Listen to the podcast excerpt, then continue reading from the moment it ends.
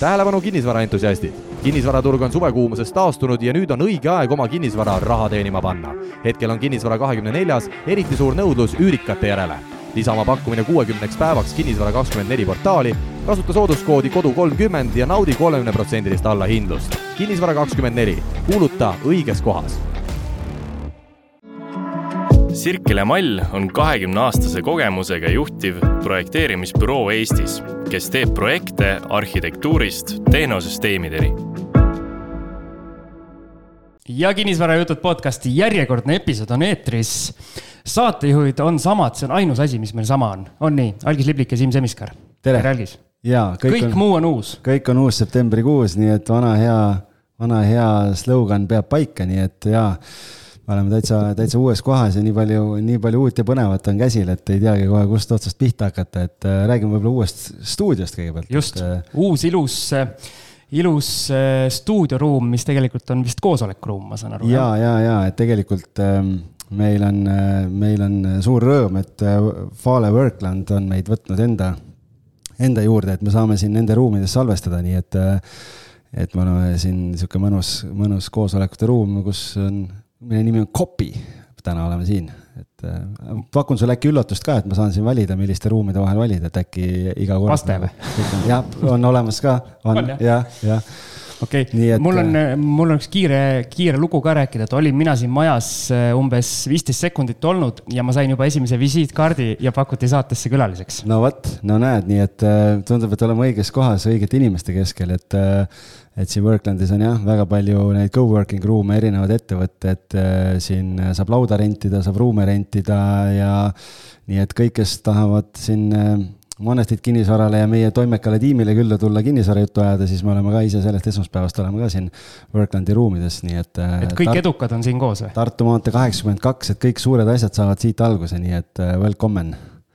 ja, aga see ei ole ainuke asi ju et, äh, et meil on siin. me saate juurde ei jõuagi tunnete, tunnete siin toas seda head lõhna, jah? mina tunnen, jah. küpsise lõhn, et, äh, et meil on selline tore, selline tore üllatus on, et, äh, et meiega võttis ühendust, võtsid toredad inimesed ühendust, kes valmistavad, valmistavad küpsiseid. Cooki Estonia teeb selliseid äh, ameerikapäraseid küpsiseid, nii et, äh, et, et nemad äh, panid tähele, et Algis ja Siim on suured magusasõbrad, ma küll neile ütlesin, et noh, et Siim tegelikult nagu ei ole, et, et mina olen see, kes siin maiustab kogu aeg, aga, aga nad jah, selles mõttes ütlesid, et kuna meil pikad salvestuspäevad, et panevad õla alla ja, ja lihtsalt, et kes ma teen siia sotsiaalmeediasse, meil teen video ja pildi ka, et te saaksite näha, need on nii suured, nii suured ja nii äratavad küpsised, et kui mina vahepeal ära kaon mikrofoni tagant, et siis te teate, et ma mõmisen, mõmisen siin vaikselt, nii et et, et siin on Ameerika küpsetamistraditsioonide järgi tehtud suured küpsised, nii et, et Siim, Ameerikas oled käinud? olen no vot, nii et. aga selliseid küpsiseid ma ei näinud, seal olid kõik muud asjad olid küll suured, aga küpsised olid tavalise suurusega. Pidid sobima nii tassitäie piima kui, kui hea sooja kohvi kõrvale, nii et meil on lumiorava vesi laual, nii et ma arvan, et sellega mätsib ka väga hästi. ja kuna meil on selline tervist kahjustav töö siin, siis eh, meil klaas piima peaks, ma arvan, olema siit vale poolt kuskilt olemas või? ja, peab küsima veel, et võib-olla, võib-olla kaupleb välja jah, et aga nii, et, et kes tahab tükikest Ameerika maitset ja traditsiooni, siis Cooki Estonia, minge vaadake, nii et aitäh teile, et, et te tähele panite, et me sellised magusasõbrad oleme, nii et. ja mina tahan isiklikult veel tervitada meie kahte toetajat ka, kes on kõllidega saate küljes, nii et Sirkel ja Mall ja, ja Kinnisvara kakskümmend neli, nii et aitäh. Just. kõigile, kes meie tegemisi on märganud, nii et. ja väga, kellel on väga veel häid ideid, siis võtke algisega ühendust, leiame võimalused. just.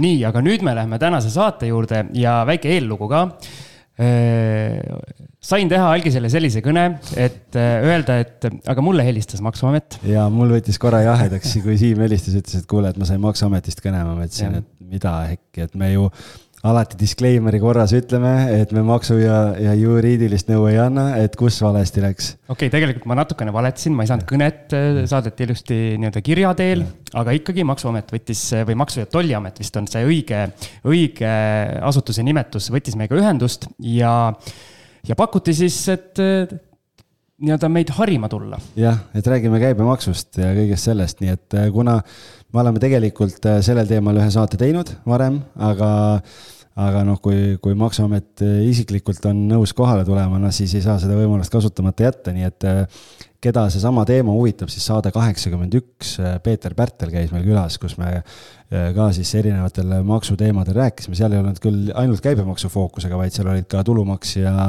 ja muud sellised teemad, nii et saade kaheksakümmend üks soovitame ära kuulata ja siis saate vaadata ja, või kas siis enne tänast või, või siis peale tänast saadet. just, ja ma usun, et täna tuleb ka selliseid üldisemaid küsimusi, vähemalt mina olen nii-öelda valmis tulistama selliseid ka. aga meil on siis külas Maksu- ja Tolliameti maksuauditi osakonna käibemaksu järelevalve valdkonna juht Kristi Veskus, tere tere ja tore, et kutsusite. kõige pikema tiitliga ja külaline, kes meil on käinud. jah, ja, ja, ja nii-öelda tinglikult naljaga pooleks võib öelda, et tegelikult te kutsusite ennast ise siia pressisime teid ennast külla, jah ja, lahtisest uksest sisse. just aga hakkame siis kuskilt otsast minema, et. ja, äh, et me tegelikult äh, Facebooki grupis äh, postitasime ka ja andsime inimestele siis ka võimaluse küsida, et et mis kellelgi hingel on selle teemaga ja, ja kuigi sai välja toodud, et on käibemaksu teemal saade, siis tuli ikkagi tuli ikkagi seal tulumaksuga seotud küsimusi ka, et me ikkagi jätsime need ka lõppu, et küsime siis need küsimused ka ära, et, et kõik, kõik saaks räägitud. aga mina alustuseks küsiksin hoopis sellise küsimuse, et kui te nii-öelda teie poolt meiega ühendust võeti, siis öeldi, et need nii-öelda käibemaksu küsimused on hästi sellised aktuaalsed, et palju küsitakse teilt ja, ja nii-öelda hea oleks, et saaks mingis formaadis eh, neid nagu kõigile korraga jagada, et on see siis nii, et see käibemaksu teema kütab kirgi? Jah, küsimusi esitakse meile üsna palju ja kuna me ise näeme ka, et seda probleemi, et eksitakse üsna palju, siis meie huvi on ka seda maksutarkust võimalikult ajale ringile jagada ja pakkuda ennast äh, nii, kasvõi teie juurde ja ka kirjutavasse meediasse, miks mitte kuhu iganes, äh, on meid ära kuulama valmis. et meie kodulehel on küll ka vastavaid juhendeid ja koolitusi olemas, aga ilmselt sinna igaüks ei satu. nii et kes iganes soovib, siis me oleme alati valmis tulema koolitama ja rääkima. kas need koolitused on tasuta teil koduleheküljel? jaa, kindlasti. no vot, nii et äh, kes, kellel tänasest saatest väheks jääb, siis, siis saab minna ja vaadata teie koduleheküljelt üle, otsida ja, ja siis minna süvitsi. nii et. aga nii. mul, meil siin äh, salvestuse päeva arvestuses äh, üleeile, esmaspäeval, on nii? oli, oli kinnisvaraõhtu meil ja kui ma seal teatavaks tegin, et meil maksuamet tuleb nii-öelda kontrollima, kuidas meil see salvestamise teema käib, siis äh, üks investor äh, ütles mulle sellise lause või siis palus küsida, et kas Maksuamet annab nõu sellest lähtuvalt, et äh, investor saaks võimalikult palju maksta maksu või sellest lähtuvalt, mis oleks kasulikum investorile no tegelikult on Maksu- ja Tolliameti ülesanne ju jälgida, et riigile ette nähtud maksud saaksid makstud, ehk siis nad oleksid korrektsed vastavalt seadusele, paraku on see meie ülesanne jälgida, et vastavalt seadusele neid asju tehtaks. Kas maksudega optimeerimine Maksuameti vaatest kõlab negatiivse või positiivse alatooniga? no ma saan aru, et see on pigem positiivne selles mõttes, et kõik, mis ei ole keelatud, on ju tegelikult lubatud ja ega meie ei saa ka maksustama tulla seda, mida seadus otseselt ette ei näe okei okay., ja siis täna üritamegi selle teekonna käigus siis äh, läbi arutada kõikvõimalikud variandid, lisaks siis Facebooki küsimustele ähm,. panin sinna ise veel juurde, internetist guugeldasin, üritasin igatepidi leida. meili peale tuli meil äh, nii-öelda salaküsimusi. jah, et kõik, mis vähegi kuidagi võiks olla sellised teemad, millest võiks kasu olla ja et saaks nagu natukene rohkem võib-olla süvitsi minna, kuigi ilmselgelt me selle tunni-pooleteisega reeglina ei jõua kõiki teemasid nagunii ära katta, aga, aga saame mingi ettekujutuse vähemalt ette. Ja üks, üks küsimus, mis sellel samal investoril veel oli, kes ilmselt on Maksu- ja Tolliametiga päris tihedalt siis kokku puutunud, tundub. et, et tema olevat helistanud ühe sama mure või ühe sama küsimusega äh, kahel erineval korral teile, oli saanud kätte kaks erinevat inimest ja oli saanud äh, täiesti kaks erinevat vastust et äh, kuidas, kuidas see võimalik on ja mida inimene sellises olukorras siis tegema peab? No me oleme nende olukordade kohta ikka öelnud, et kuidas täpselt küsitakse ja kuidas sellest küsimust aru saadakse, selline tuleb ka vastus. ehk siis, kuna sellises telefonikõnes ja suulises küsimuses tihtipeale ei avaldata kõiki asjaolusid, mis seal võivad tähendust omada ju maksustamisel, siis võibki olla, et, et esmane vastus on kiiresti lihtsalt üks ja kui hakata süvenema ja küsida juurde küsimusi, et mis need tehingu asjaolud täpsemalt on, siis koorub sealt välja, et tegelikult on seal mängus hoopis mingid nüansid, mis omavad tähendust. ehk siis äh, ma ise olen ikka soovitanud, et, et kirjalikult pandud kirja küsimus, kus on võimalikult täpselt välja toodud kõik detailid, annab teile kõige parema vastuse. ja siis te saate selle vastuse ka kirjalikult ja on teil alati see tagataskus olemas, et maksuamet on mulle niimoodi sellise selgituse andnud mina isegi ka, minu poole on ka mingid kuulajad pöördunud äh, ja, ja meil on oma klientidega, investoritega tulnud mingeid maksuteemasid arutusele ja siis ma ütlen ka, et aga, et ära nagu karda, et ma ütlesin, et nendel on koduleheküljel on infotelefoni number, võta toru ja helista ja küsi ära, sest meil on enda raamatupidajatega samamoodi, et äh, mõnikord arutame, arutame mingeid teemasid ja, ja, ja siis nad ütlevad ka, et kuule, võtame kõne Maksuametisse, uurime välja, et teeme nii, kuidas õige on ja, ja selles mõttes nagu kuidagi süda pole kunagi valutanud, et, et kui on võimalus küsida, siis miks miks mitte kasutada, aga, aga selles mõttes jah, kirjalikku taasesitamist võimaldavas vormis võib-olla on parem, jah ma ise lisaks selle siia juurde, et tegelikult äh, osad küsimused ongi niivõrd keerulised, kasvõi see käibemaksustamine iseenesest on juba niivõrd nüansirohke kinnisvara puhul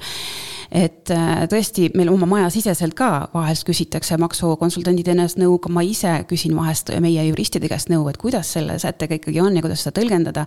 see liht-, vastamine ei pruugigi olla nii lihtne, et nagu faktipõhised küsimused, kas nii on või nii ei ole, on ju, on see maksumäär üheksa või on ta ka ütleme kakskümmend, eks. kui kiiresti siis vastust on oodata, kui keegi teile saadab päringu? see olenebki selle no küsimuse mm, ütleme mahukusest ja keerukusest, et äh, kui esitada lausa selgitustaotlus, taotlus, siis on ka kolmkümmend päeva aega, aga enamasti me ikkagi vastame esimesel võimalusel. ja kui küsimus on lihtne, ühelauseline ja noh, väga kergesti vastatav, siis tõenäoliselt tuleb see vastus ka väga kiiresti mul on selline küsimus, et kas äh, sa mainisid ka, et kirjalikult äh, on kõige parem küsida igas mõttes, aga kui nüüd äh, ma saan Maksu- ja Tolliametist vastuse ja, ja pärast läheb mingiks vaidluseks, et kas see nii-öelda meili teel saadud vastus kirjalikult taasesitatav, et kas see on minu poolt nagu argument ka, et mulle öeldi nii, ma tegin nii ja, ja nüüd te süüdistate mind näiteks? Eh, jah, tegelikult on nii, et kui Maksuamet juhtubki, et on andnud välja vale seisukoha, eh, siis see on tagantjärgi teile selles mõttes kasulik, et intressi nagu sellise asja valesti arvestamise eest eh, Maksuamet ei nõua aga ikkagi inimene võtame peab. süü omaks, eksimine on inimlik ka maksuametnike seas, ma ütlen teile. aga ikkagi, mida põhjalikum on küsimus, seda kindlamalt te saate ka väga selge vastuse. Siim, vahepeal on seadused muutunud lihtsalt sellest vastuse saamise hetkest. kui te mõtlete ka sellele, kui palju on erinevaid maksuseadusi, mida näiteks meie infoliini töötajad peavad teadma, alustades tulumaksust, füüsilisest isikust, kinnisvarast, käibemaksust. see ampluaa on niivõrd lai ja selge see, et, et ka meil võib olla ju inimesi, kes alles õpivad ja nii edasi, peaksid või tihtipeale küsima. Nad ütlevadki sellisel juhul, et vabandage, et ma võtan teiega ühendust, et uurin täpsemalt meie majas järgi ja siis anname, anname teile teada selle täpsema vastuse enne kui me läheme nii-öelda konkreetsemate küsimuste juurde, ma ikkagi natukene torgin veel seal üldisemat teemat, et. et kas see on nii, et mida vanemaks nii-öelda riik muutub ja kogu aeg neid seadusi ümber tehakse, mingid kihid üksteise peale, et seda keerulisemaks see asi läheb, et. põhjus, miks ma, miks ma küsin, et ma kuulan hästi palju Ameerika podcast'e ka ja põhimõtteliselt seal see ma saan aru, see maksusüsteem on selline, et põhimõtteliselt ilma spetsiaalse nii-öelda maksunõustajata põhimõtteliselt inimestel ei olegi võimalik oma, oma asju ajada jah, pean, ma pean sellega nõustuma, et äh, jällegi, kui me mõtleme meie tuludeklaratsiooni esitamise peale, millega meil saab igaüks hakkama väga kiiresti, siis äh, nagu me räägime kinnisvara käibemaksust, siis seal on tõesti nii palju nüansse erisusi, erandeid, äh, mingisuguseid korrigeerimisi ja selliseid asju, millega ma täiesti saan aru, et tavaline inimene kohe niimoodi puusalt, isegi kui ta seaduse ette võtaks, ei, ei saagi aru, et ongi vaja, et keegi selgitaks juurde. et äh, võiks mõelda tõesti selle seaduse lihtsustamise peale, aga tõenäoliselt on iga erisus tehtud kellegi jaoks, millegi jaoks, kasvõi see, et kui me täna hakkame rääkima sellest, et eluruumide üür on maksuvaba, miks ta on maksuvaba? selleks, et äh, inimeste kodukulud oleksid võimalikult väikesed näed. väga hea sissejuhatus kohe siia yeah.. aga võib-olla alustame siis esimesest küsimusest kohe, et, äh, et kinnisvarasse saab investeerida nii eraisiku kui juriidilise isikuna ja täna me väga palju keskendume sellele, et kui siis läbi ettevõtte investeerida ja käibemaksuga seotud küsimused, aga et äkki nagu päris nii-öelda alustajatele küsimus siis, et, et äkki sa selgitad, milline erinevus on ostmisel käibemaksu koha pealt, kui osta näiteks uus korter versus järelturukorter, et, et milline see peamine erinevus seal on? No kõigepealt ongi, tuleb meeles pidada seda, et käibemaksuseaduses on kinnisvara maksustamise üldreegel see, et see on käibemaksust vabastatud see on üldreegel. Ja nüüd hakkavad mängima rolli erinevad erisused. Näiteks äh, uusehitiste, äh, oluliselt parendatud ehitiste ja hoonestamata ehitusmaa kruntide müük on jällegi kohustuslikus korras maksustatav. Lisaks võimaldab seadus vabatahtlikult lisada käibemaksu eh, sellest maksuhaldurit eelnevalt teavitades, aga jällegi on erandlikult keelatud just eluruumi üürile ja kasutatud eluruumi müügile käibemaksu lisamine. ehk siis nagu siit ongi juba näha, et neid nüansse ongi väga palju erinevaid. ehk siis, kui sa ostad uue korteri, on see tõenäoliselt arendaja poolt käibemaksuga maksustatud ja sa maksadki käibemaksu. kui sa ostad järelturul korteri kuskilt eraisikult, siis ta tõenäoliselt käibemaksu ei sisalda ma võtaks ühe sammu tegelikult tagasi ja mina olen hästi selline nii-öelda, kuidas ma ütlen viisakalt, loll mis puudutab käibemaksu. selgitage või tähendab, selgita palun äh, inimestele ära, mis asi see käibemaks on ta on Üldse. lisandunud väärtuse maks, on ta öeldud teistmoodi, ehk siis müügihinnale tuleb lisada käibemaks, mis siis äh, laekub riigile said aru? ja noh, ütleme ka niimoodi, et kui siin me hakkame pärast rääkima keerulisematest mõistetest nagu ka sisendkäibemaks, ehk siis ettevõtja ju ostab kaupu käibemaksuga ja müüb käibemaksu. siis see lisandväärtus jällegi, kui jällegi lahti selgitada, tähendabki seda, et kui ma ostan asja kümne tuhandega, sealhulgas on käibemaks kaks tuhat ja müün selle maha kahekümne tuhandega ja seal pean maksma ise riigile käibemaksu neli tuhat, siis ma maksan sisuliselt riigile ainult selle vahe ehk lisandunud väärtuse pealt. ehk siis oma neljand tuhandelt tasumisele kuuluvalt summalt ma võin maha arvata selle ostmisel juba tasutud käibemaksu. sellepärast ongi ta see lisandunud väärtuse maks. algis jäi nii mõtlikuks. ei, minu, sina tahtsid, sina, sina, sina tahtsid vastust saada. Läheb liiga keeruliseks. ma lihtsalt tahtsin küsida, kas sa said pool sammu edasi? sain sain, nüüd sa võid, võid saatega jätkata, aitäh. okei okay., nii, aga tuleme selle käibemaksu ja selle siis juurde tagasi. nii, toome näite. Siim küll täna toimetab meil siin Vaidas ja igal pool mujal ja tema nii-öelda märg, unistus tõenäoliselt on mõne uusarenduse korter, aga ta ei julge seda lihtsalt välja öelda. Vaidas ei arenda keegi ütleme praegu. nii, et, äh, et Siim ostab omale uusarenduse korteri, see maksab sada kakskümmend tuhat ehk siis kakskümmend tuhat on käibemaks, sellest on ju sada tuhat on siis see, kui, kui see nagu, millisel juhul nüüd, kui ta tahaks selles kahekümnes tuhandes sisalduvat käibemaksu kakskümmend tuhat eurot äh, tagasi küsida või siis sisend käibemaksu maha arvata, vist on korrektne väljend. millisel juhul tal see võimalik teha on üldse? Äh, tal on õigus seda teha siis, kui ta plaanib hakata seda korterit kasutama ka maksustatava käibe tarbeks. kui ta elamiseks ostab endale. siis ta kindlasti seda teha ei tohiks jah, et äh, kuna selle äh, eluruumiga on võimalik tekitada mitut erinevat maksustatavat käivet. et on ta siis maksuvaba käive näiteks, kui ta ostab selle selleks, et anda pikaajaliselt üürile, on see maksuvaba, siis seadus ütleb, et sellise jaoks käibemaksu tagasi ei saa samas, kui ta ostab selle selleks, et ähm, hakata seda majutusteenuse osutamiseks kasutama ehk lühiajaliseks ja see on käibemaksuga maksustatav, siis ta saab selle käibemaksu tagasi. Kui palju inimesed selle vastu eksivad, et ostetakse endale koduks, siis mõeldakse, et oh, ettevõtjana ostan, on ju, noh, tead siin, et, et annaks, ma ei tea, kolin ise sisse või, või noh, nii-öelda de jure kolib mul keegi keegi teine sisse, ma justkui, ma ei tea, annan selle üürile, et kui palju te neid rikkumisi tuvastate reaalselt? Äh, ma pean paraku nentima, et see on tõusev trend ja seda tehakse üsna palju. Ja ma ei ütleks, et siin on tegemist eksimusega, need on ikkagi enamasti teadlikud äh, tegevused. ja me, võime öelda, juba kümmekond aastat me tegelikult oleme pannud fookuse nendele ettevõtjatele, kes eluruume ostavad ja ka käibemaksu tagasi küsivad, sest äh, me näeme aastast aastasse seda trendi, et küsitaksegi tagasi käibemaksu ka omale kodu ehitamisel, kodu ostmisel. Ja muidugi seda meile ei tunnistata, vaid varjatakse öeldakse, et need esmased põhjendused, kui nad seda sisendkäibemaksu riigilt tagasi küsivad, ongi see, et ma ehitan edasimüügiks või ostsin korteri selleks, et see kallimalt edasi müüa uuena. või siis osutan, ostsin selleks, et hakata seal majutusteenust osutama.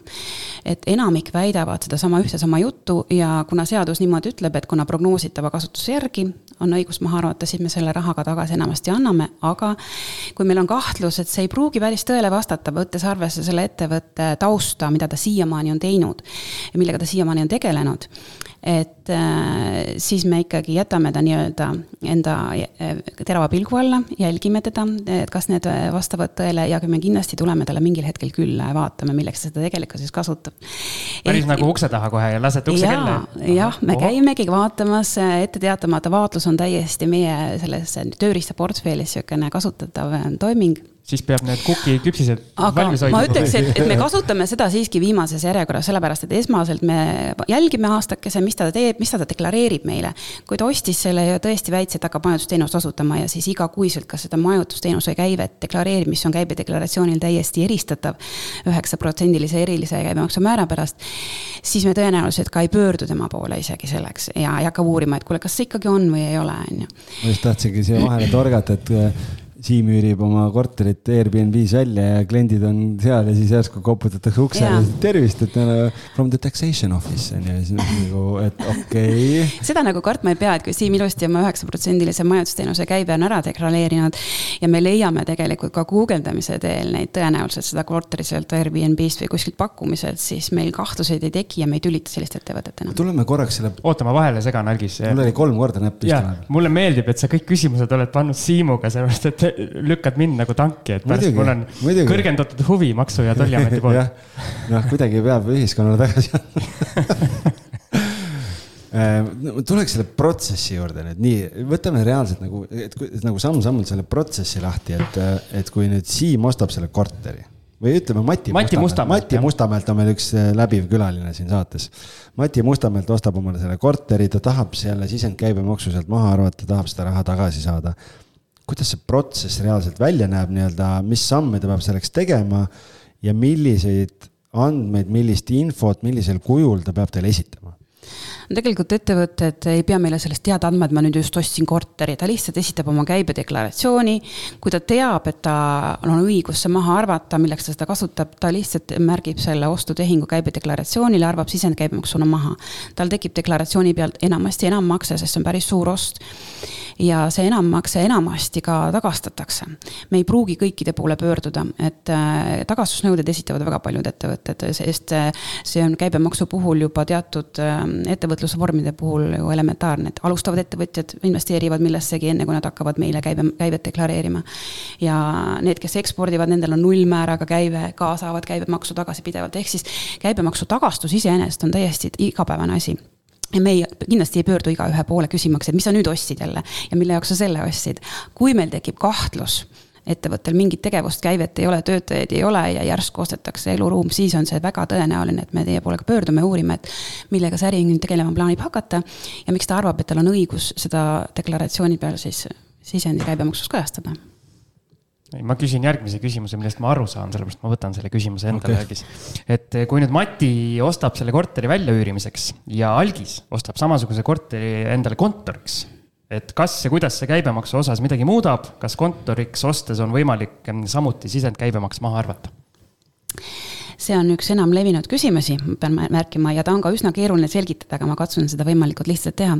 et kõigepealt see, kes välja üürimiseks ostab, paraku nagu ma ütlesin, on eluruum üür maksuvaba, tema käibemaksu tagasi ei saa, sellega on lihtne. Sorry, Mati kontoriga on nüüd äh, see teema, et see, siin hakkab mängima mitut rolli, kas ta mm, plaanib seal ka ise sees elada, sest see on tegelikult ju eluruum ja ühe mehe ettevõtete puhul on see üsna levinud.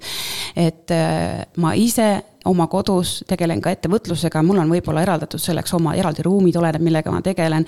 kas mul on vaja lihtsalt kabinetti või on mul vaja ka mingit töötuba, näiteks keraamikaga tegelen, mul on selleks eraldi tööruumid. või laoruum, või koolitus või mida iganes, laoruumid, ehk siis kui ta ostab selle korteri selleks, et tegeledagi seal nii elada kui ka töötada, siis tekib see osalise käibemaksu mahaarvamise õigus. ehk siis ettevõte arvabki osa maha ja selleks tuleb leida see proportsioon ja osakaal et kui palju siis kasutatakse, et enamasti ettevõtted teevad seda siis ruumide äh, täpselt ruutmeetrite järgi, et kui palju ma siis elamiseks kasutan ja kui palju ma siis äh, ettevõtluseks kasutan. aga sinna mängib teine asi rolli veel, ehk siis milline su ettevõtlustegevus tegelikult maksustatav on. kui sul kogu tegevus, millega sa tegeled, ongi näiteks maakler. Maksustatav tegevus, mul ei ole mingit maksuvaba käivet, mis asja omakorda keeruliseks ajaks. siis on jah see, see kontorina kasutatav pind, sa võid selle käibemaksu maha arvata aga kui asi on juba keerulisem, ehk siis sul on äh, kinnisvaraportfell, osad korterid annad üürile lühiajaliselt, sul tekib maksustatavat käivet, osad korterid on maksuvabalt üürile pikaajaliselt antud, ehk siis sul on mõlemat. siis on kontor, on selline üldkulu, äh, mis, mida sa ilmselt kasutadki mõlemaks otstarbeks ja seal tuleb jällegi leida see proportsioon. ja selle kohta seadus ütleb, et äh, võiks võtta arvesse näiteks eelmise aasta siis selle maksuvaba ja maksustatava käibe osakaalu et kui sul on nelikümmend protsenti su tegevusest on maksustatav, siis sa arvad ka sellelt kontorikulud nelikümmend protsenti käibemaksu maha. Mul on selline küsimus, kui nüüd äh, algis, äh, algis Assamaalast kasutabki oma tööks äh, oma eluruume, nii-öelda osa on siis justkui kontoriruumid, et kuidas, kuidas te seda kontrollite, et algis, algis kõik õigesti teeb, kas te tulete mõõdulindiga kohale ja vaatate, et siit algab eh, nii-öelda eluosa ja siit algab tööosa või kuidas see käib? no siin alu-, sõltub jälle sellest, kuidas algis ise käitunud on ja mida ta deklareerinud meile on. kui ta läheb natukene ahneks ja, ja ostab selle korteri, küsib kohe sada protsenti tagasi ja meil on siis alust arvata, et see ei pruugi nii olla, siis me kõigepealt muidugi küsime tema käest, et kuule, et kui, kui palju sa ikkagi kasutad ja, ja mis ruume sa kasutad ja kui ta ilusti ausalt tunnistab ja meile saadab need ära, et näed, seda ruumi kasutan, see on nii mitu protsenti, meil ei ole ühtegi põhjust tulla seda mõõdulindiga mõõtma mitte midagi, on ju. Ja kui ta ise ka selle kohe alguses proportsioonis kindlaks teeb ja arvabki osaliselt maha, jällegi, kui ta meile seda selgitab, meil ei ole ühtegi põhjust küsida, et aa, saada mulle nüüd need äh, täpsed need arvutused ja, ja skeemid ja joonised ka veel juurde, on ju, et ähm, kui nüüd äh, Mati Mustamäelt ütleb, äh, et äh, ma hakkan Airbnb-d tegema ja sellepärast ma küsin selle raha tagasi, et see on käibemaksuga maksustatav äh, teenus. siis kuidas see kontroll siis välja näeb, et äh, noh, seal on, üks osa on see, et, äh, et ma ei tea, teete broneeringu sinna või teine variant on, et ütlesid, lähed ukse taha. mismoodi see asi välja näeb, et noh, tegelikult on ju see, et nagu sa ise enne ütlesid, et noh, et tegelikult enamjaolt ikkagi väga paljud on teadlikud sellest, mida nad teevad, mida nad küsivad, millele nad viitavad, kõik see pool. et ja noh, lühiajalise üürimise nii-öelda see viimase viie aasta jooksul on, on see nagu läinud suuremaks, inimesed on muutunud teadlikumaks.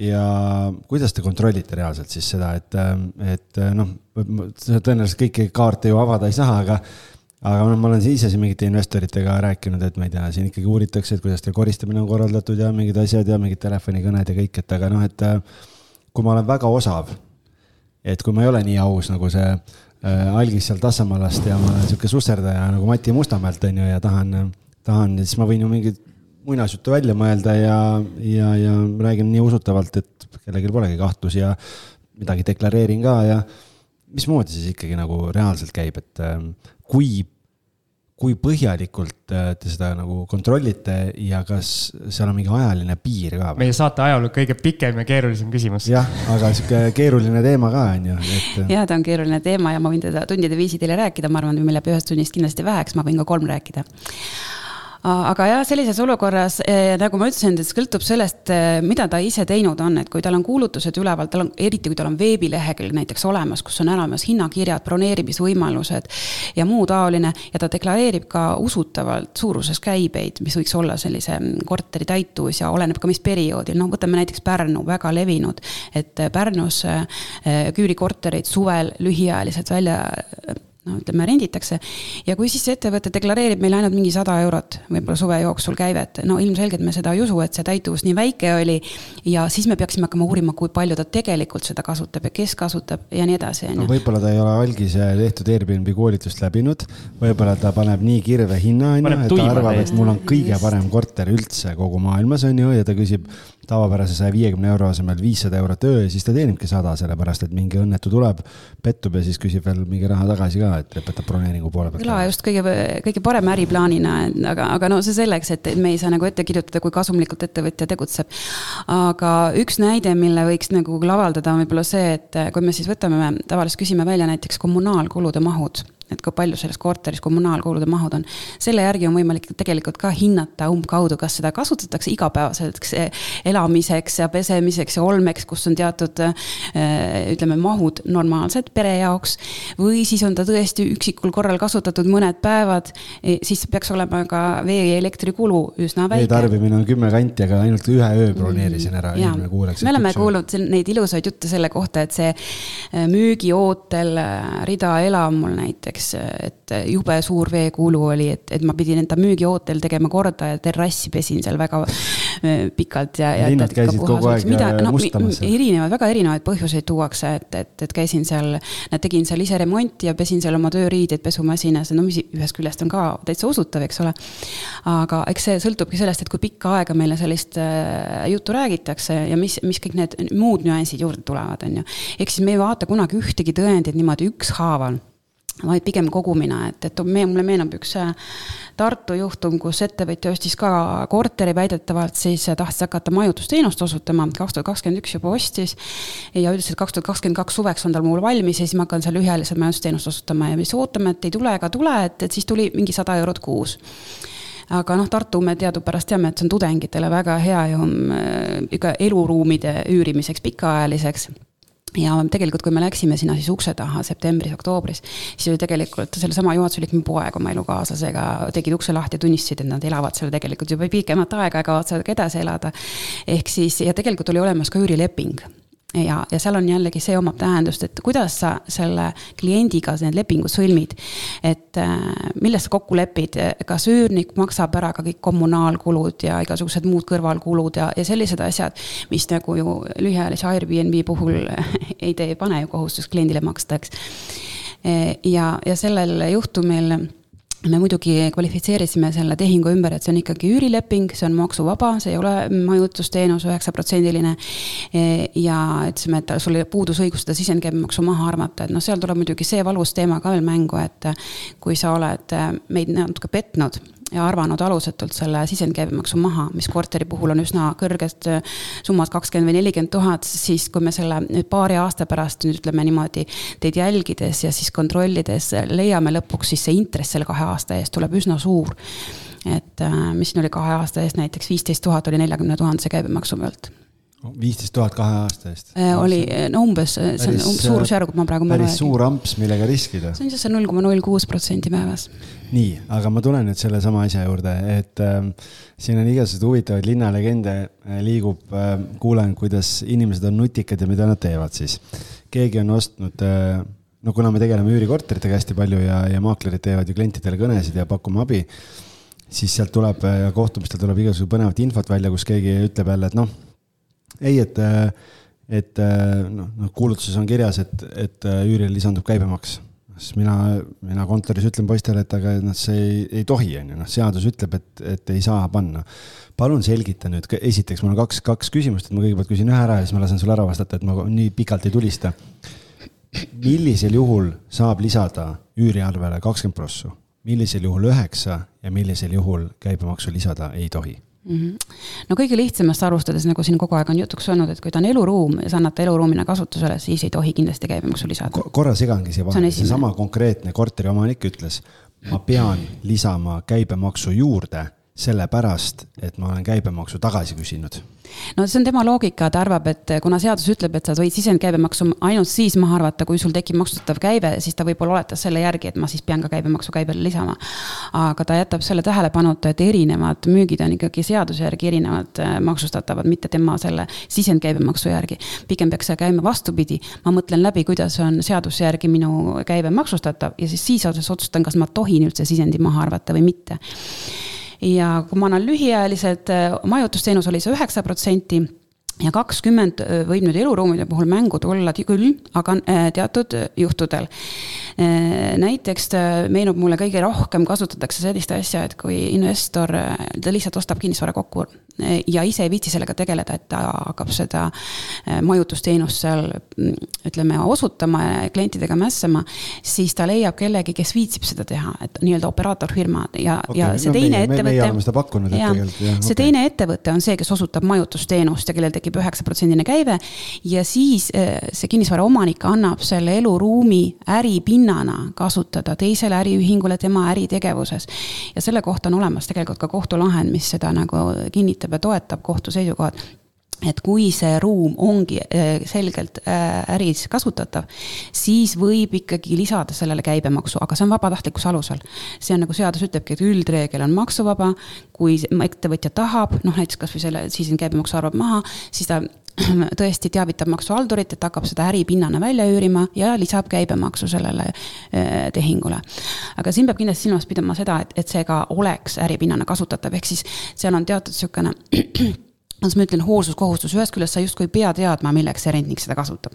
aga ma usun, et sa tahad kinnisvaraomanikuna teada, et sa päris nii ei anna, et sa annad kellelegi eh, eluruumi kasutada ja tema tegelikult teeb sinna näiteks mingi massaažisalongi, seal hakkavad kliendid edasi-tagasi voorima.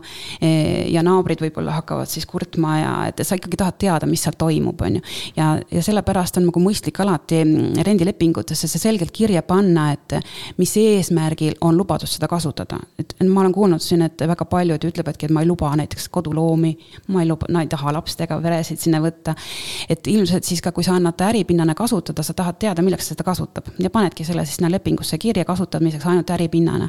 ja see on tegelikult üsna levinud, näiteks me oleme näinud eluruumidesse on tehtud autokooli õppeklass, hambaarsti kabinet, massaažisalong, erinevaid asju. Ja on ka, kus on äh, kontoriks sisustatud ja istuvad kolm itimeest seal ja teevad oma tööd, on ju. et ongi täiesti võimalik ka eluruumi sihtotstarbega ruumi kasutada, et jällegi on selle kohta ka kohtulahend, kes meile on need suunised andnud, et, et jah, võiks eeldada, et äh, sihtotstarve on oluline äh, et seda kasutatakse sihtotstarbeliselt ja peab ka arvestama teiste majaelanike nõusolekuga ja kõigega muuga sellisega. aga näiteks kui uue korteri puhul, mis täiesti tutikana ostetakse ja ettevõte ei tegele mitte millegagi ja siis ta hakkab meile väitma, et vot ma ikkagi teen sinna kontori, siis sellistel juhtudel on küll kohus toetanud meie ütleme seisukohta, et, et siin ikkagi ei ole ära tõendatud, et see ettevõte üldse kontorit vajab, tal pole töötajaidki. ja, ja seda on ka kohus erinevates otsustes lahanud, et kas äriühingul üldse on vaja kontorit, tal on tegelikult olemas suurettevõtte kontor, töötajad mujal istuvad. et see juhatuse liige näiteks ei vaja eraldi selleks mingit kontorit oma koju. mina olen kogu aeg saanud aru niimoodi, ma nüüd üritan äh, nii-öelda äh, järge pidada, et, äh, et ma kuskile rappa ei lähe, noh. väga palju on täna müüakse nii-öelda külaliskorteri sildi all ehk et korteriomand, mitte eluruum, äripind siis sisuliselt ja mina olen aru saanud, et noh, kui et kui sa ostad mitteeluruum korteriomandi, siis selle väljaüürimine, ta on äripind, noh, lisad käibemaksu, aga kui ta üüritakse välja, noh, see on ka, mis ajab inimese segadusse. kui sa, isegi kui ta on mitteeluruumina ehk äripinnana, kui sa üürid selle välja elamispinnana, näiteks Mati Mustamäelt üürib mulle selle välja koduna, siis käibemaksu ei lisandu. kui tema ettevõte üürib selle minu ettevõttele kontoriks siis ta võib käibemaksu lisada. jah, sa oled täiesti õigesti aru saanud ja me oleme ka tegelikult oma kodulehel need juhised lahti kirjutanud, me oleme selle lahti selgitanud, et. et sellest, et ta ainult sihtotstarve on eluruum, ei tähenda, me peame hindama tegelikku sisu, et kui teda ikkagi kasutatakse majandustegevuses, siis me hin-, käsitleme teda äripinnana. ja kui ka äripinna nime all äh, olevat ruumi kasutatakse elamiseks, siis me käsitleme teda eluruumina ja tuleb ka vastavalt lähtuda maksustamise reeglitest veel next level skeem. No, skeem kõlab nii ilusti siin saates ske,. skeem, no ütleme, ma usun, et need inimesed on heatahtlikud ja, ja nad äh, on kõik läbi mõelnud ja ei, ei ürita kuidagi skeemitada, aga ma kasutan seda sõna. üüritakse korter välja. okei okay,, ma küsin kõigepealt siis, mis on minimaalne periood, kust alat-, kuhu maani on lühiajaline üür ja kust algab pikaajaline üür? Tegelikult see kunagi oli turismiseaduses kirjas, see kolm kuud, mis siin hästi palju ka, Peeter mainis seda kolme kuud. et äh, iseenesest ta võib olla kaudselt tõsi, sest täna turismiseaduses seda ei ole, kuskil ei ole öeldud, et ajutine või mis asi on ajutine ööbimisvõimaluse pakkumine, mis on majutusteenus, et kui ajutine on ajutine, on ju. aga kuna seal viide on kaudselt võlaõigusseadusele, mis ütleb, et eluruumide üürilepingu kohta käivaid ei mm, rakendata, kui tegemist on majutusettevõtte või alla kolmekuiste lepingutega siis see kolm kuud ikkagi igal pool figureerib ja läbi käib, aga jällegi meie oma kodulehel oleme ka selgitanud, et me ei ole selles osas nii jäigad. et kui ikkagi me näeme, et ettevõte on äh, just see majutusettevõtja ja ta pidevalt annabki erinevaks ähm, ajaks kasutusele, siis kui see, oli siin üks juhtum, et, et tuli välismaalane kolmeks kuuks ja siis ta tahtis, et ikkagi ma pikendan veel kuu aega me ei ütle siis kohe selle peale, et kuule, see on juba üle kolme kuu, et, et, et me ütleme, et see on eluruumi üür. et, et see, me ikkagi vaatame neid asjaolusid kogumis, et kuidas see ettevõtja üldiselt käitub ja annab ikkagi erinevatele äh, klientidele seda kasutada ja see, et kellelgi läks natuke pikemaks, ei ole probleem. küll aga sinna ma tahtsingi me jõuda. oleme näinud tõesti, nagu sa nimetad, seda skeemitamist, ehk siis hakatakse sõlmima ühe sama isikuga kas iga kuu uut lepingut, justkui mis on lühiajaline või kolme kuu kaupa. mina, mis ma ütlesin, et on see, et noh, kolm kuud ja siis ma teen uue, sest kolm kuud on lühiajaline leping. ja siis ma teen, teen uue ja, aga, aga need juhtumid me paraku ikkagi klassifitseerime ümber ja ütleme, et see on ikkagi juba eluruumi üürileping ja, ja. ja seda toetab jällegi, meil on maksukorraldusseadus annab võimaluse anda tehingute sisule maksustamise mõistesse, mis on tegelik sisu. kui mul on üürimaja, me sinna detailidesse ei lähe praegu. sul ei ole seda. äkki kunagi on, on ju. ja, ja seal ma üürin välja, ta on nagu kööktuba põhimõtteliselt, on ju, et äh, ja kui mul on äh, mitte tavaline klassikaline üürileping, aga, aga on olemas ka majutamisleping äkki või? see on sama, mis lühiajaline majutus sisuliselt, jah. kas, kas seal on lubatud äh, pikem, kui ta on nagu tuba äh,, mitte korter? see ei muuda asja, see ei muuda asja üldse mitte. ta võib ju ka samamoodi, sa võid sõlmida lepingu aastaks, ikkagi eluruumi üür ja, ja ikkagi see olenebki äh, nendest nüanssidest, et kuidas sa üldse selle mm, majutusettevõtjana selle majaga toimetad ja käitud, et kas sa pakud talle erinevaid lisateenuseid, näiteks ma ei tea, seal pesu pesemise võimalust ja koristamise võimalust ja kõiki neid asju, et me oleme tegelikult äh, oma kodulehel välja toonud lausa loetelu erinevatest nüanssidest, mis võivad tähendust omada, et kuidas, et teha lihtsamaks ettevõtjale otsustamine, et kas mul on siis nüüd majutusteenus või on see pikaajaline üür. et äh, ma soovitan kindlasti seda loetelu minna ja vaadata meie kodulehel, me võime panna siia teie podcast'i selle lingi lausa yes. juhistele. et ja need on need küsimused, et kui te võtate selle ette, siis need on kindlasti needsamad küsimused, mida meie audiitorid ka samamoodi hakkavad küsima ja uurima, et, et. et eh, kus on sul hinnakiri, et kuidas sa kliente leiad, kas sa paned ühekordse kuulutuse või leiad tutvuse kaudu kellegi üürniku sinna. või on sul ikkagi olemas pidevalt need pakkumised Airbnb-s või on kodulehel või midagi sellist ja. ja mida sa nendega lepingusse kirja paned, et, et kas sa kas ta peab sul maksma ära need igasugused, ma ei tea, tagatis näiteks ja remondifond ja, ja mida iganes üürnikelt küsitakse tavaliselt, kõik need kommunaalkulud ja. ja ta ise teeb omale need äh, näiteks interneti ja televisioonilepingud ja kõik siuksed asjad. et äh, need on väga palju erinevaid nüansse, millel ühelgi ei ole ette antud tähendust Siim ei lase mul küsida. ma ei lase seekord küsida, jah. ma sain soonele, oota, ma siis söön küpsist. Algis, kas sa Harry Potterit oled näinud või? ei ole kusjuures. ei ole jah, siis ma ei küsi su käest. okei okay. aga mul ähm, pea on äh, nii tulikuum, peaaegu kärssab, ehk siis meil on vaja lumiorava pausi natukene vett pähe kallata mulle. ja mina ei äh, jõudnud Sa... pausini oodata, mul on üks kuuki küpsis on juba otsas. ja ma kohe tahangi proovida viimast ampsu, et kuidas lumiorava veega. just, nii kaua paus tähelepanu kinnisvaraentusiastid! kinnisvaraturg on suvekuumusest taastunud ja nüüd on õige aeg oma kinnisvara raha teenima panna. hetkel on kinnisvara kahekümne neljas eriti suur nõudlus üürikate järele. Lisa oma pakkumine kuuekümneks päevaks Kinnisvara kakskümmend neli portaali, kasuta sooduskoodi kodu kolmkümmend ja naudi kolmekümneprotsendilist allahindlust. kinnisvara kakskümmend neli, kuuluta õiges kohas. nii mul on lumiorava vesi, pool pudelit läks ähm, kurku ja pool pudelit läks pähe ja nüüd olen mina valmis jätkama. ja ma vaatan, et äh, pool küpsist ka kadus kuskil ära siin samal ajal. meil on siin, äh, siin rotid, ei ole okei et.... algise nimelised rotid ühesõnaga ma tuleks korra nagu päris algusesse tagasi, et mul kuidagi kargas pähe, et me ühe asja jätsime nagu täpsustamata. kui nüüd Mati Mustamäelt küsib käibemaksu tagasi, mitme aasta peale see siis äh, ajatatakse? kuidas see tagasimaksmine, ümberarvestus, kuidas, selgita lahti kogu see taust seal taga ma ütleks, et seda ajatatakse või midagi sellist, aga ta korrigeerimisperiood sellele sisendkäibemaksule on ja, kinnisvara puhul kümme aastat. muu põhivara puhul, nagu näiteks mööbel ja sisustus, on viis aastat. see tähendab sisuliselt seda, et me seda kümme aastat meie jälgime ja ettevõtja ise peaks arvestama, et äh, kas ta kasutab kogu selle kümneaastase korrigeerimisperioodi jooksul seda kinnisvara nii, nagu ta algselt plaanis, maksustatava käibe tarbeks. või on äh, majanduslik olukord muutunud, kliendid kaovad ära, äri äriplaan muutub, kõike võib ette tulla. ehk siis, kui ta kõigepealt annabki paar aastat seda lühiajaliselt rendile, deklareerib maksustatavat käivet, siis tal ei pea nagu muretsema selle käibemaksu korrigeerimise pärast, sest see sisendkäibemaks oli maha arvatud täiesti põhjendatult. ja kui nüüd kolmandal aastal Äh, leiab selle pikaajalise üürniku, mis koroona ajal oli nagu väga levinud. et pigem pikaajaline üürnik, turiste enam ei tulnud ja nii edasi. siis äh, näeb lihtsalt seadus ette, et sa pead siis selle aasta äh, järgi, tegelikkuse järgi selle ühe kümnendiku tagasi maksma riigile. see kümme aastat tähendabki seda, ostuhinnad näiteks arvasid nelikümmend tuhat käibemaksu maha.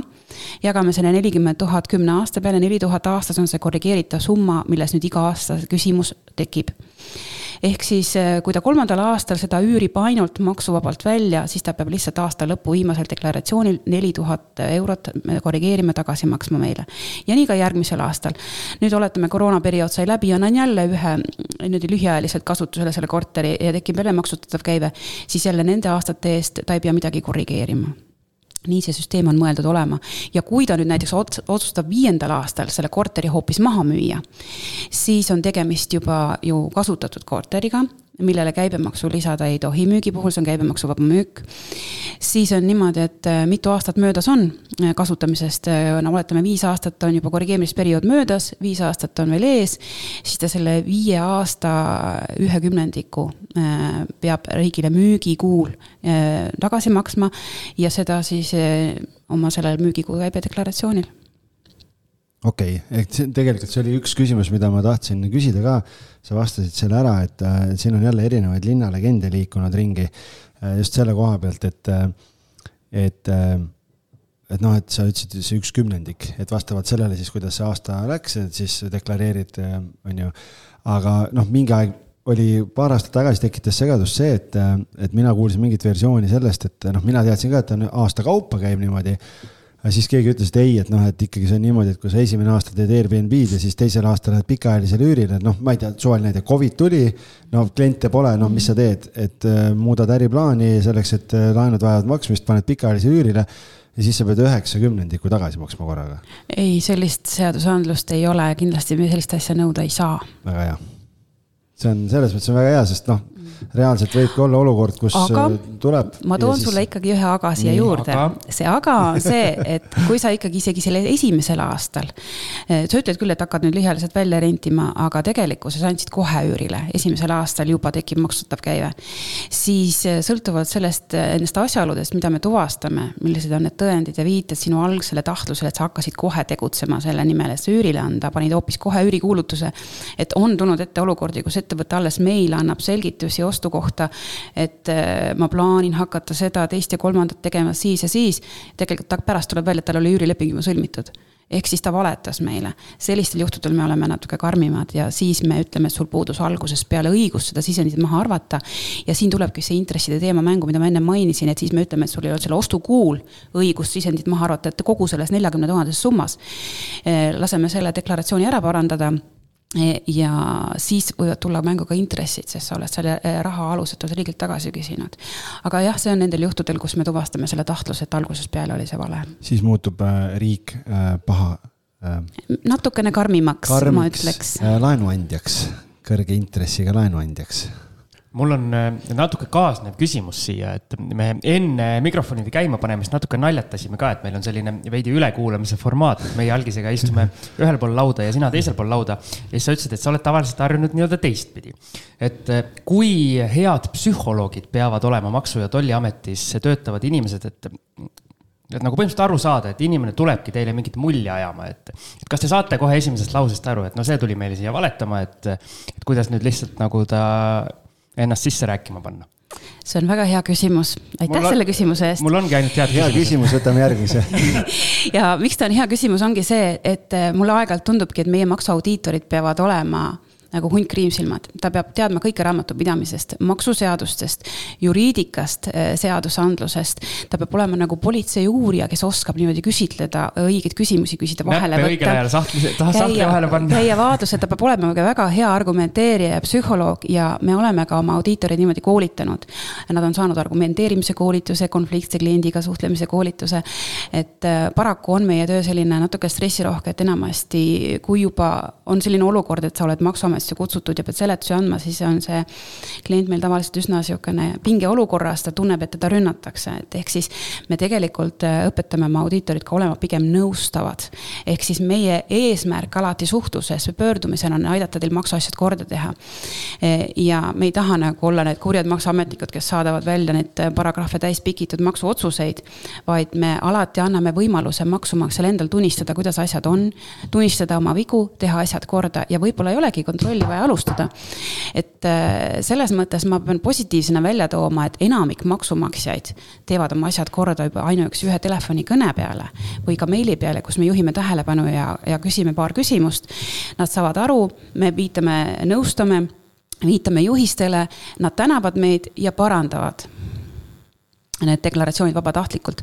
ma just vaatasin, et, et selle aasta meie kontrolli statistika näitab, et äh, üldse käibemaksu laiemast valdkonnast, et äh, üle kahe tuhande rikkumist, mis me käibemaksu lai, valdkonnas oleme tuvastanud selle aasta seitsme kuuga, on ainult viisteist protsenti oli vaja kontrolli alustada. enamik parandasid kohe esimese pöördumise peale, kus me küsisime, et kuulge, teie deklaratsioonil on väiksed anomaaliad, et, et selgitage ja siis parandasid ise ära nii, aga kui palju üldse jõuab sinna laua taha teil, et sa ütlesid ka enne siin nagu numbreid, et noh, kui palju juba esimese kõnega lahendavad ära ja nii edasi, et kas siis, kui on juba selle meeldiva naeratusega ukse pealt vaja klient vastu võtta või see ettevõtja, et kas siis on juba asi hapu? ei ole tegelikult, kui me räägime just niimoodi eluruumidest ja äriühingutest, kes on just käibemaksuga tagasi küsinud, siis eelmisel aastal me tegelesime kokku no ligi üheksasaja sellise äriühinguga, kes olid soetanud äh, siis sellel aastal või siis varasematel aastatel eluruume ja riigilt käibemaksu tagasi küsinud. aga nendest rikkumisi me leidsime umbes saja kolmekümne kolme puhul, ehk siis see on see nagu umbes see osakaal, mis näitab ära, et, et need on need, kellega me siis nagu äh, suhtlesime juba lähemalt ja uurisime, et kas siis kohtusime või siis suhtlesime ka meili teel, võib-olla käisime külas, on ju. ja rikkumisi leidsime tegelikult kahe poole miljoni euro ulatuses, see on päris suur summa kaks pool miljonit on jah päris suur. kuule, aga me libisesime kuidagi nii-öelda pool muidu üle ühest küsimusest, mida Peeter Pärtel äh, küsis. et, äh, et ma tuleks selle küsimuse juurde tagasi, kus oli see kümne aasta periood ja temal oligi, oligi see küsimus, et, äh, et, et kui nii, et kui vaadata seda kulu poolt, et noh, et kas see kümne aasta reegel kehtib kõigele, sa selle vastasid ära, et, et nii-öelda sisustuse või noh, mööbli koha pealt on see viis aastat, see periood. kuidas, kas seal on omakorda mingi erisus ka veel, et, et äh, diivan, diivan või voodi versus äh, taldrikud ja kruusid? Äh, see on tegelikult ettevõtte enda otsus raamatupidamise reeglitest äh, lähtudes. Äh, põhivaraks tegelikult võib raamatupidamistoimkonna juhendi järgi lugeda sellist vara, mille kasulik tööiga on üle ühe aasta ja mille piirmäär on suurem, kui ettevõte ise on oma raamatupidamise sise-eeskirjas paika pannud. ehk siis see on ettevõtte enda otsustada, et kas ma panen, et ma loen põhivaraks kõik ostud, mis on üle viiesaja euro või, või kuhu ta selle piiri tõmbab. lihtsalt see, ta peab ise arvestama sellega, et põhivara puhul on palju rohkem bürokraatiat bürokraatiat, sa pead raamatupidamise nad arvele võtma, amortiseerima, maha kandma, kui taldrikutega ju tihtipeale juhtub see, et nad lihtsalt lähevad katki. klient kannavad... klient lõhub ühe taldriku ära, siis hakkad kohe korrigeerima raamatut. taldrikud kannavad ennast ise maha. ehk siis see on nagu, ma usun, et ma, me ei ole tegelikult näinud, et nõusid näiteks oleks äh, ettevõtted lugenud oma põhivaraks, et, et pigem on nad seda lugenud ilmselt käibevaraks või lihtsalt, et kui sa selliseid asju väikse pudi-padi ostad sinna korterisse majutusteenuse osutamiseks. kui on Hiinast mingi dünastia mingi vana vaas sul sul Airbnb korteris, mille hind on ähm,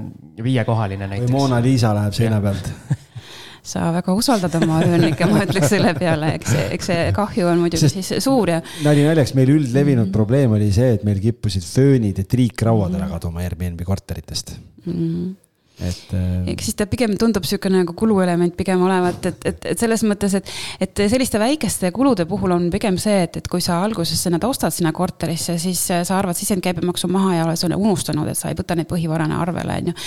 ja põhivarast me räägime ikkagi suuremate summade puhul ja seal siis kehtib ka see käibemaksu korrigeerimise jutt ma tulen veel teise küsimuse juurde tagasi, mida Peeter küsis ja seda sa ka enne äh, õrnalt äh, mainisid Äh, et äh, on ju investoreid, kellel on nii lühi- kui pikaajalisi üürikortereid, et äh, et see küsimus on selles, et, et kuidas siis selle käibemaksu üle arvet pidada siis, et ja mida teha siis kulutustega, mis on mõlema ärisuuna jaoks mõeldud, noh, suvaline näide, ma ei tea, sõiduauto käibemaks, mida kasutatakse ettevõttes kõigi korterite teenindamisel ja lisaks võib-olla juhatuse liige kasutab seda mingis määras veel enda jaoks ka nagu, mm. et kuidas siis sellisel juhul käituda mm.? käibemaksuseaduses on äh, tegelikult selles paragrahvis kolmkümmend kolm, mis räägib osalise käibemaksu mahaarvamise meetoditest, mida siin tuleks kasutada. sellest tuleks pidada eraldi arvestust äh, maksustatava käibe tarbeks kasutatava põhivara kohta ja maksuvaba käibe tarbeks kasutatava, nii palju kui käibe tekib ühest või teisest ja ka kulutused on eraldi äh, arvestatud siis. et arvestus eraldi peab olema, muidu lähebki see lappama, et, et mis oli täpselt ühe korteri jaoks, mida ma kasutan maksuvabaks ja mida mitte. ja siin on nagu kõige mõistlikum kasutadagi seda, mida Peeter mainis, väga keeruline on otse ja sega, proportsionaalse arvestuse segameetod. ehk siis, kui sa oled oma raamatupidamise eraldi pannud kirja, vot seda korterit ma kasutan maksuvabaks, siin ma käibemaksu tagasi ei arva mitte üheltki kulult, see on otsearvestus selle korteri puhul. teine korter on kasutatav majutusteenuseks üheksa protsendiga, selle kõik selle korteri tarbeks ma arvan sada protsenti käibemaksu maha ja siis need üldkulud nagu kontor äh, ja, ja noh, näiteks kasvõi raamatupidamine ja sõiduauto, nagu sa mainisid.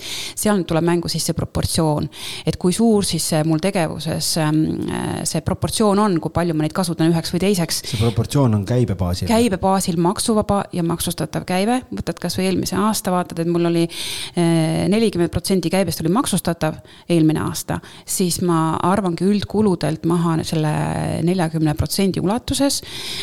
noh, jooksvatelt kuludelt ja sihukestelt asjadelt.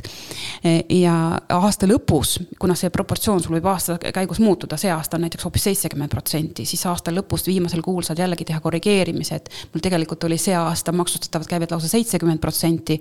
ja see tähendab seda, et ma oleks võinud nendelt jooksvatelt üldkuludelt arvata maha seitsekümmend protsenti, siis aasta lõpus küsid selle vahe tagasi, on ju.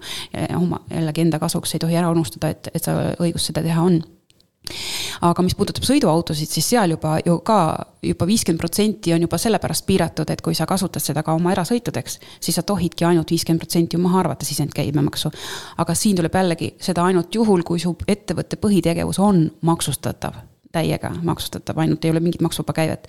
nii kui tuleb mängu see, et sul ettevõtte tegevus on eh, noh, mitmene, nii maksuvaba kui maksustatav, siis ka selle viiekümne protsendise auto sisendkäibemaksu osas sa pead omakorda hakkama proportsiooni arvestama jällegi täpselt samamoodi, nagu ma ennem ütlesin, et et kuidas sul see ettevõtte üldine käibe proportsioon on nii et väga keeruline on see arvestus ja, ja kui sa eraldi arvestust ei pea, siis eh, ongi võimatu see kindlaks teha ega ilmaasjata ei ole, ütles, et parem üks äh, tuttav äh, hea raamatupidaja kui sada sõpra. just, ma tahtsin tegelikult küsida veel sellise üldise küsimuse, et näiteks ähm, noh, ettevõtjana sa usaldad oma raamatupidajat sellistes asjades, ma, ma eeldan, nii lõpuks ikkagi vastutad sul, sa ise. sul oleks nagu eriti halb, kui sa ei usaldaks. lihtsalt oli Margi korras, et Siimu abikaasa raamatupidaja nii, ühesõnaga, aga vastutan, mulle kodus kogu aeg öeldakse, et, et mina vastutan selle asja eest, mis tema kokku kirjutab. Aga kui heal tasemel Eesti raamatupidajad on, kui hästi seda käibemaksu osa nii-öelda tuntakse, kui palju teiega just raamatupidajad ühendust võtavad, et kuidas seda või toda asja lahendada? no enamasti me suhtlemegi esmajärjekorras raamatupidajatega, kellele on antud volitus meiega suhelda, kes neid deklaratsioone esitavad, sest nemad oskavad kõige kiiremini vastata, et mida ta siis seal deklaratsioonil ära deklareeris või mitte, aga kontrolli käigus juba, kui meil on vaja hakata ütlusi võtma, et mille järgi sa just selle otsustasid nii või naa, siis jah, raamatupidamise maksuarvestuse õigsuse eest vastutab ikkagi juhatuse liige. Ehk siis, kui me tuvastame, et, et sa oled andnud raamatupidajale valed juhised ja lasknud tal deklareerida midagi sellist, mida seadus ette ei näeks, et osad raamatupidajad ilmselt on nõus seda tegema, osad ei ole, on ju. siis äh, noh, karistada valeandmete esitamise eest me saame sind kui juhatuse liiget, eks ju. aga kui eksib raamatupidaja ja mina olen nii-öelda no, teadmatult eks... Äh, omad allkirjad andnud? eks sa saad siis äh, selle kahju raamatupidajalt sisse nõuda, ma eeldan, et mis ta sulle tekitas. või siis vahetada raamatupidaja välja või mis iganes, et, et selles mõttes, et. Mulle ei sobi kumbki punkt et see on nagu õige tähelepanek, mida Peeter ütleb, et, et kontrollige, mida teie raamatupidaja teeb. ja kas ta teeb ikkagi asju õigesti sest on ju äh, siin meedias kajastatud ka neid juhtumeid, kus raamatupidaja kuritarvitas oma õiguseid näiteks ka Maksu- ja Tolliametis ja, ja varastas ettevõtte tagant raha, et, et äh, selles mõttes on see täitsa õige tähelepanek, mida ma soovitan teha alati. kuidas ma kontrollin seda? Eh, vaatad ise ka e-maksuametis nendele deklaratsioonidele otsa ja kui seal on suured tasumise kohustused või on seal enammaksed, mida ta deklareerib, et kuhu need enammaksed lähevad. et kui ta on talle õiguse teha ka äh, ümberkandetaotlusi, tagastustaotlusi, et ta võib näiteks selle äh, riigi ettemaksukontol tekkinud tagastusnõude tagasi küsida, kas ta küsib selle ikkagi tagasi, ütleme ettevõtte pangakontole või nihverdab selle kuhugi mujale. mul on jah kahju on see, et mul raamatupidamisega on väga hästi, et et saldol, saldol see number nii väike on, see on, see on pigem enda, enda mure. Mm.. nii, Siim, käibemaksu osas mingeid küsimusi veel, meil oli küll siin veel, et äh, nii põnev vestlus on, pole väga siin need Peetri küsimused. Üritasin, äh, et oleks, oleks vastatud, sest need olid väga head ja näha, et väga teadlik inimene on küsinud, on ju. et äh, aga räägime sellest siis. Äh, Kaia küsis seda, et Eesti väiksemates piirkondades toome jah, Kiviõli on meil siin hiljuti läbi käinud, Jõgeva, Vaida, Assamalla, kuskil ostad korteri viie tuhande euroga. Vaidas viie tuhande noh, optimist. okei, okei, Kiviõlisse või Assamaale siis, nii, ostad viie tuhandega korteri, teed äh, kuue tuhande eest või kümne tuhande eest teed remondi ja paned müüki. et esimene flip, mõtled, et jess, nii hästi õnnestus, hakkad müüma. mis siis saab? Eh, no tegelikult jah, kui sa, seda nimetatakse oluliselt parendatud ehitiseks käibemaksuseaduses, mis on ka kohustuslikus korras maksustatav, et, et kui sa sada kümme protsenti eh, ületad seda renoveerimiskuludega seda ostuhinda, eh, siis ta on kohustuslikus korras maksustatav käive, aga kui see on nii väike summa, nagu sa välja tood eh, väikestes kohtades, et sa müüdki ta kahekümne tuhandega ja sul, sa tegelikult ise ei ole isegi käibemaksukohuslane, sa ei pea olema ettevõtte käibemaksukohuslane, kui sul igapäevaselt ei teki maksustatav käivet. nelikümmend tuhat eurot aastas on see piir, mis, millest alates, et kui sul tekib maksustatavat käivet rohkem, siis sa pead ennast käibemaksukohustusest registreerima, nii et enamasti, kui me siin Tallinnas räägime sellistest asjadest, siis ta tõenäoliselt ühe kinnisasja müük ikkagi ületab selle nelikümmend tuhat. ja see käibemaksukohustus on juba kindlasti sisse kirjutatud kirjutatud, et sa pead ennast registreerima ja sellelt tehingult ka käibemaksu maksma. aga kui sa ei ole käibemaksukohuslane ja see jääbki selleks pisikeseks Kiveli korteriks, mille sa müüsid, ma ei tea, kümne-viieteist tuhandega, siis sul ei teki seda registreerimiskohustust ja siis sa ei pea ka käibemaksu lisama. no lihtsalt Tallinnas, kui keegi peaks tegema sellise tehingu, et renoveerimiskulu on sada kümme protsenti, siis ma ütleks, et palju õnne sulle see ei ole hea flip see, see, see vist ei ole jah. Okei okay,, kui ma nüüd õigesti aru saan, oletame, ma olen Assamaalas, hakkan korterit kokku ostma, siis ma põhimõtteliselt, kui ma hästi, hästi mõõdan äh, ja arvutan, siis ma saan neli tehingut teha umbes sellist, et ostan viie tuhandega äh,. ei, ostan, äh, ütleme. ostan viiega, müün kümnega jah, ostan viiega, parandan kuuega ja müün, äh, siis ei ole jah, flip no,, ma kümnega müün. Siis nelja tehingut ei saa, aga kolm mahutab ära siis, ütleme äh, üksteist läheb kogukulu, müün siis kolmeteistkümnega näiteks. siis ma saan kolm sellist tehingut teha. jah, ja siis sul ei teki kohustust ennast käibemaksukohustuseks veel registreerida ja käibemaksu lisada, tõesti nii et. Äh, kui algis... sa oled käibemaksukohuslane. siis sa pead neid maksustama, sõltumata sellest, kui suur see käive on. Kaiar oli siin lihtsalt veel täiendavalt juurde küsimus, et kui ma käibemaksu tagasi küsinud ei ole, aga lõpuks selgub, et kulud on üle saja kümne protsendi ostetud vara esialgsest väärtusest. kas siis tagantjärele küsin kõigelt käibemaksu tagasi? jah, selline õigus on täiesti olemas, et kui sa siis selle müügile käibemaksu lisad ja selle käibe deklareerid oma käibedeklaratsioonil, on sul õigus müügikuul kõik see varasemalt maha arvamata, siis on käibemaks maha arvata oma sellest tasust tasumisele kuuluvast summast. ja tal oli siin teine küsimus oli veel, kas on okei okay, siis korter näiteks üheks kuuks välja üürida ja selle, seejärel müüa no sellega ma enam nii nõus ei oleks, sellepärast et äh, nagu Peetergi minu arust väga hästi välja tõi, kiidan teda selle eest, et äh, sellised tehingud me äh, tihtipeale loeme näilikeks tehinguteks, mis on tehtud selleks, et varjata tegelikkust. ja seadus annab meile võimaluse hinnata selle tehingu tegelikku majanduslikku sisu, ehk siis me hakkame uurima, kas see üüritehing ikka tegelikult oli seal või ei olnud. ja väga tihti tuleb välja, et see on ainult paberil tehtud, et tegelikult ei kolitud sinna üldse sisse, see polnud valmiski, ta ei olnud sisustatud mitte midagi, ehk siis ja see üürnik ei vajanud seda, ei tulnud sinna. vaja, vaja kuskil olla, naine viskas kodust välja. see, sellised äh, asjad kindlasti kutsuvad kohe meid küll, et, et äh, kontrollima ja, ja siis me võtame selle tehinguga selles mõttes tõesti, kuidas ma ütlen, pilbasteks, ehk siis me uurimegi täpselt järgi, me küsitleme nüüd üürnikku. ja nagu siin on mõeldud, me võime ka naabri poole pöörduda, küsida, kas siin keegi elas vahepeal, ei elanud vahepeal, vaadata kasvõi kulude järgi, kas kommunaalkulud olid siis selle perioodi eest, mis ta oli välja üüritud või ei olnud, on ju aga üldiselt jah, kui ta tõesti antakse reaalselt äh, vahe, kõigepealt üürile ja siis alles müüakse, siis on tõesti müük juba kasutatud korteri müük ja sinna käibemaksu lisama ei pea. aga näiteks, kui eh, ma põhimõtteliselt, mul ongi head kavatsused eh, ja ma annangi näiteks aastase lepinguga selle, selle üürile, see aasta tiksub ära ja siis müün, siis, eh, siis ei ole enam midagi näilikku, et siis ja, on kõik õige. ja siis on kõik õige, et oligi see üür oli maksuvaba ja ka kasutatud korteri juba müük on maksuvaba. nii, siis äh sa oled kuidagi tempost maas, Algis? ei ole, ei ole, ma lihtsalt jäin mõtlema selle peale, et, et ma kujutasin ette, kuidas selle valmis teed ja üürile annad ja siis ära müüd ja siis nii rahul oled, et. siis pead ka muud remonti tegema äkki peale üürniku. kui eraisik annab oma kinnisvara tasuta kasutamise lepinguga, mis on väga levinud mudel, ettevõtte kasutusse ja ettevõte kasutab antud objekti oma äritegevuseks, kas sellisel juhul on võimalik tehtavatelt investeeringutelt kulutustelt käibemaks tagasi küsida?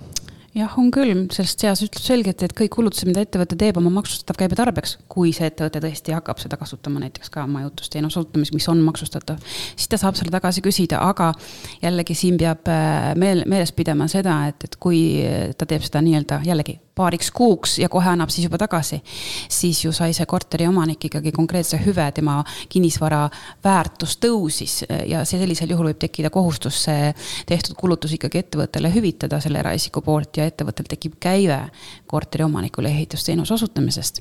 ehk siis selliseid nüansse tasuks meeles pidada, et, et kui te hakkate selliseid nii-öelda näiliselt tegema, aga jällegi olukorras, kus ma olen näinud, et tehakse kasutusleping kasvõi kümneks aastaks ja tehaksegi sinna äh, kulutused peale ja ettevõte tõesti kümme aastat toodab sellega maksustatavat käivet, noh nagu siis nagu seda olukorda ei pruugi tekkida. isegi tuleb meelde, üks äh, tuttav rääkiski, et tal oli selline olukord aastaid tagasi puhtalt teadmatusest lihtsalt äh, eraisikuna korter äh, ja tal ettevõttes ka kinnisvara ja, ja ettevõtte kaudu renoveeris selle korteri ära ja kulud pani ettevõtte kulude alla ja siis noh, müüs ära, kuna see oli tulumaksuvabastust ei saanud siis lihtsalt äh, mingi, mingi aeg hiljem Maksuametist ja. anti sõbralikult märku, et, et sul on siin väike probleem ja siis ta pidi täiendavalt seal midagi juurde maksma, et ta oli need kulud maha arvestanud mm. -hmm aga tegelikult ei oleks tohtinud teha, sellepärast et ettevõte võttis need kulud, mitte tema eraisikuna.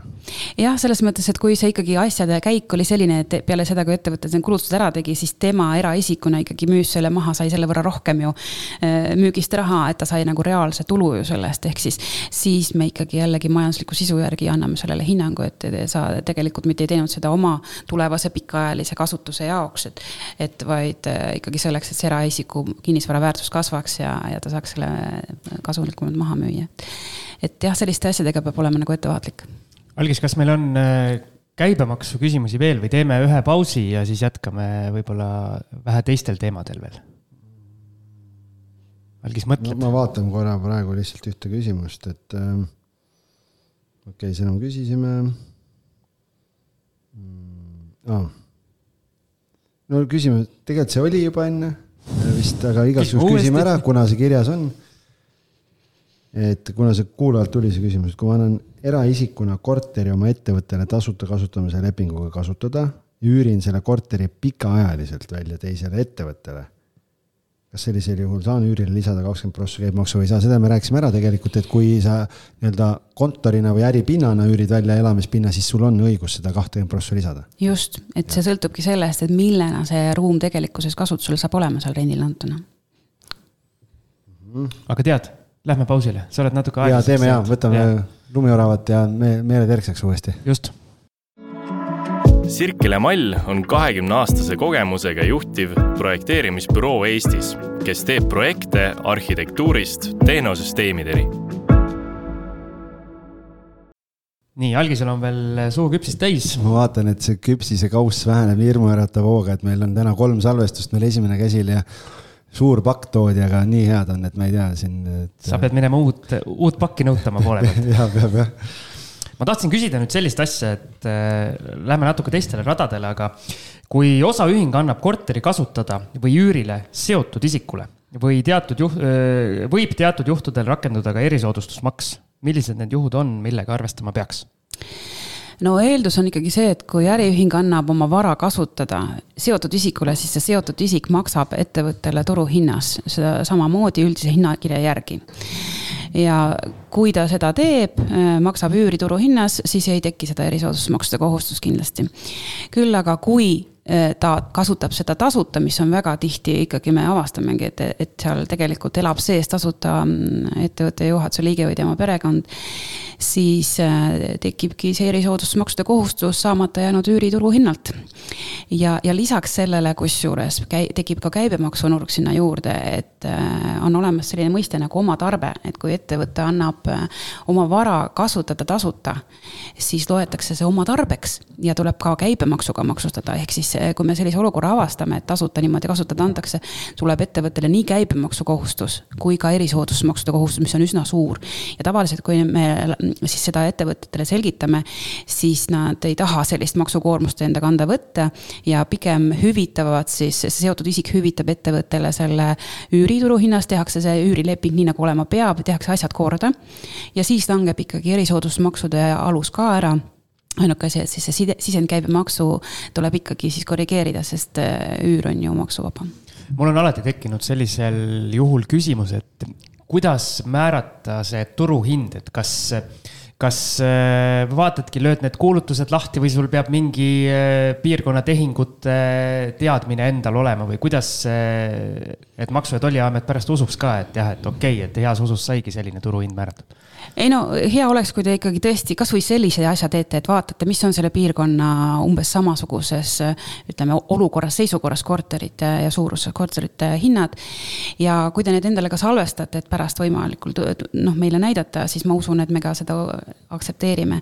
aga jah, kui me kontrolli käigus ise seda määrama peame hakkama, siis me võtamegi selle piirkonna statistika, et kus me leiame, on ta siis seal kinnisvaraportaalides, kas neid müüakse, antakse üürile, mis hinnaga ja seisukorrad.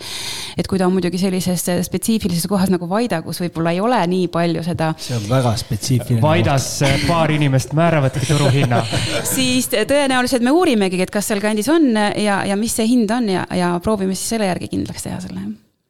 Okei okay,, aga kui see on ongi nii-öelda pikk leping näiteks ja on võib-olla turg on tõusnud, aga see leping on veel mingist aastast, kaks aastat tagasi, kolm aastat tagasi mm. -hmm. kui seal on mingi kümneprotsendilised kõikumised, kas äh...? me ei ole nii jäigad ja ei aja näpuga nii järge, et, et kui te ikkagi saate tõendada, et te kaks aastat tagasi selle turu-uuringu tegite ja selle järgi nad määrasite, siis no ilmselt see on ka ettevõtjal see enda hooletus, et kui ta ei taha rohkem kasumit saada, ei, ei kaasajasta oma üürihindu hindade tõusuga kas omanik eraisikuna võib oma isiklikku kinnisvara ettevõttele müüa alla turuhinna, näiteks soetusmaksumusega?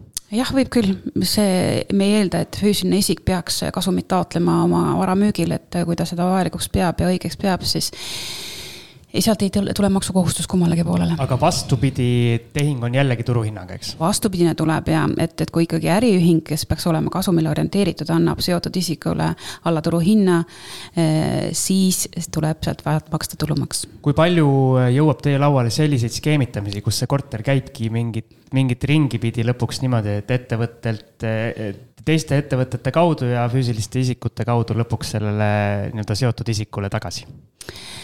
Tead, ma pean nentima, et skeeme on uskumatult palju, et, et hämmastavalt leidlikud on ettevõtjad, kes tahavad skeemitada erinevate äh, kinnisasjadega, müügiga ja ma just praegu, kuna ma ise rohkem puutun kokku äriühingutega, siis äriühingute puhul ongi praegu ka hästi levinud see, et, et selleks näiteks, et mitte kinnisvaraarendused käibemaksu maksta, siis müüakse need äh, krundid eraisikute nimel, ehitatakse seal valmis ja siis müüakse eluasemena maha, et, et mitte äh, äriühing ei peaks maksma käibemaksu äh, arenduse pealt, on ju. ja igasuguseid üleminekuid ja jagunemisi ja, ja mida tehakse selleks, et neid jälgi segada, et aga sellised äh, tehinguahelad, mis on eba, ebaharilikud, paistavad meile silma, meil on kasutada kinnistusregistri andmed ja me näeme neid tehinguahelaid ka ettevõtete vahel, eriti käibedeklaratsioonide peal, et et äh, me kindlasti leiame need skeemid üles ja maksustame vastavalt tegelikkusele sisule, et me võimegi lugeda, et tegelik müüja oli hoopis see algne, lõigata need vahelülid vahelt välja, öelda, et need olid näilikud tehingud ja lõpptehingu hind oli see, mis tegelikkuses toimus. ehk siis mida keerulisemaks oma see skeem või tehing ajada, seda lihtsam tegelikult on võib-olla silma jääda hoopis. jah, et see on nagu garanteerib selle, et, et me huvi tundma hakkame et.... no nad vaatavad ka, et nii huvitav, et keegi on tulnud nii geniaalse asja peale, et tahaks ka aru saada või teada saada. jah, me selles mõttes peab mainima, et, et töö on meil väga huvitav, et iga päev on midagi uut. ja on sellised nagu mõistatused või pähklid, mida lahendama peab, et, et selles mõttes, et igav ei hakanud. see kinnistute või noh, kruntide teema siis äh, ütleme, hoonestamata kinnistu, siis teema on mul just mingi aeg tagasi üks tuttav äh, helistas mulle, ütles, et kuule, et mul on mure et ma kunagi ostsin ühe, ühe krundi ja müüsin oma ettevõttele selle ära ja nüüd mul oleks vaja, ma ikkagi ei hakka sinna ehitama. mul oleks vaja ära müüa ja nüüd mul on see jama, et nüüd mul tuleb käibemaks sinna juurde, et räägime selle poole ka siis mm -hmm. lahti, et mik, miks eh, no seaduses on lihtsalt see eri, eri, erisus olemas, et ka hoonestamata ja ehituseks mõeldud ehitusmaa Eh, on kohustuslikus korras käibemaksu maksustatav, aga siin tuleb jällegi see summa mängu, et kui ettevõte on käibemaksukohuslane, siis ta peab maksma ükskõik kui kallis või odav see parasjagu on, kui ta selle edasi müüma hakkab, eh, käibemaksu. kui ta käibemaksukohustuslane ei ole ja see on alla neljakümne tuhande, siis ta, tal seda kohustust ei teki. aga jah, paraku seadus väga selgelt selle ütleb ja, ja on ka defineeritud ära, me oleme kodulehel ka lahti kirjutanud selle, mis asi see ehitusmaa on, et see maatükk, mis on ehitamiseks mõeldud, kas siis detailplaneeringu või projekteerimistingimuste järgi või on ehitusteatis esitatud. Eh, või on siis ta sihtotstarbe järgi elumaa või ärimaa või viiskümmend protsenti sellest või kombinatsioonid on ju. et eh, oluline on see, et seal peal ei ole ehitist, on ehitamiseks mõeldud, siis ta on maksustatav paraku jah siin on veel üks küsimus siis kahe ettevõtte vahelise tehingu kohta, et tuuakse näide kus emaettevõte oli laenukõlbulik, võttis laenu ja müüb mõne aasta pärast soetusmaksumusega kinnisvara edasi tütarettevõttele, mis on hiljem kinnisvara haldamiseks tehtud. millised maksualaseid nüansse sellise tehingu puhul silmas peaks pidama? no seesama siirdehinna teema, seotud isikute vaheline tehing peab olema tehtud turuhinnas ja kui ta teeb selle alla turuhinna, siis tuleb juriidilisel isikul tulumaksukohustus. et paraku sellega peab arvestama. teatud juhtudel tark doktor Google rääkis või oli see teie enda ühes äh, failis ähm, kirjas, et teatud juhtudel, kui on osapoolte vahelised tehingud, võib rakenduda erisoodustusmaks. millised need juhud on? no need ongi see, et, et kui ettevõte annab oma vara oma töötajatele või seotud isikutele, juhatuse liikmetele tasuta või alla turuhinna kasutada siis äh, sellelt saamata jäänud äh, üüriturult näiteks, turult saabki, tulebki maksta ettevõttel erisoodustusmaksud. Siim, kuulsid? Endale tasuta kasutada niisama päris ei saa, et ostad ostad firmale korteri ja siis kolid perega sisse, et siis. me just rääkisime sellest enne no, ka. ma ütlen, et ega. sa küpsist sisse. ma igaks juhuks loen sulle sõnad peale, et äh, sellega eksitakse selles mõttes päris tihti, et ostetaksegi ühe mehe ettevõte ostab omale kodukontori nii-öelda. ehk siis ta elab seal ise nagu ettevõttele kuuluvas varas tasuta sees ja kasutab seda ka töö tegemiseks, siis me ikkagi eeldame, et ta peaks oma ettevõttele maksma turuhinnas üüri selle, kasvõi selle poole korteri, mis ta elamiseks kasutab eest. ja kui ta seda ei tee, siis ongi see erisoodustusmaksude kohustus. meil on jõuamegi sinna, enamus küsimused nüüd vist on valdavalt tulumaksu koha pealt, et enne seda, kui me sinna läheme on mingeid asju käibemaksu koha pealt, mida me ei osanud küsida, mida oleks võinud äh, teada või peaks teadma veel? ma ütleks, et võib-olla see nurk, et kui ma füüsilise isikuna, kui ma ei ole ettevõte ja ikkagi tegeleb ka sellega, et ma ehitan maju ettevõtluses, noh, nagu ma elan sellest, et ma ehitan maja valmis, müün maha, ehitan valmis, müün maha, on ju. see on ettevõtlus ja kui sul sellega, ütleme, on see tulu rohkem kui nelikümmend tuhat, sa võid ka tekkida olukorda, sa pead ennast käibemaksukohustuses registreerima. sa peaksid äh, valima selle tegelikult ettevõtlusvormi, füüsilisest isikust ettevõtja või siis osaühing, mis on nagu tegelikult ilmselt mõistlikum selle jaoks. ja sa pead sellega arvestama, ehk siis meil on olnud neid juhtumeid, kus me mm, tuvastame, et füüsiline isik tegeleb varjatud kujul ettevõtlusega, ei ole registreerinud ühtegi ettevõtlusvormi, see tegevus on niivõrd suures mahus, ehk siis äh, me selle, kõik selle kasu, mis ta saab nende äh, majade ehitamisest ja müügist, maksustame tulumaksuga ja pluss veel käibemaksukohustus kohustuseks registreerima peaks ennast?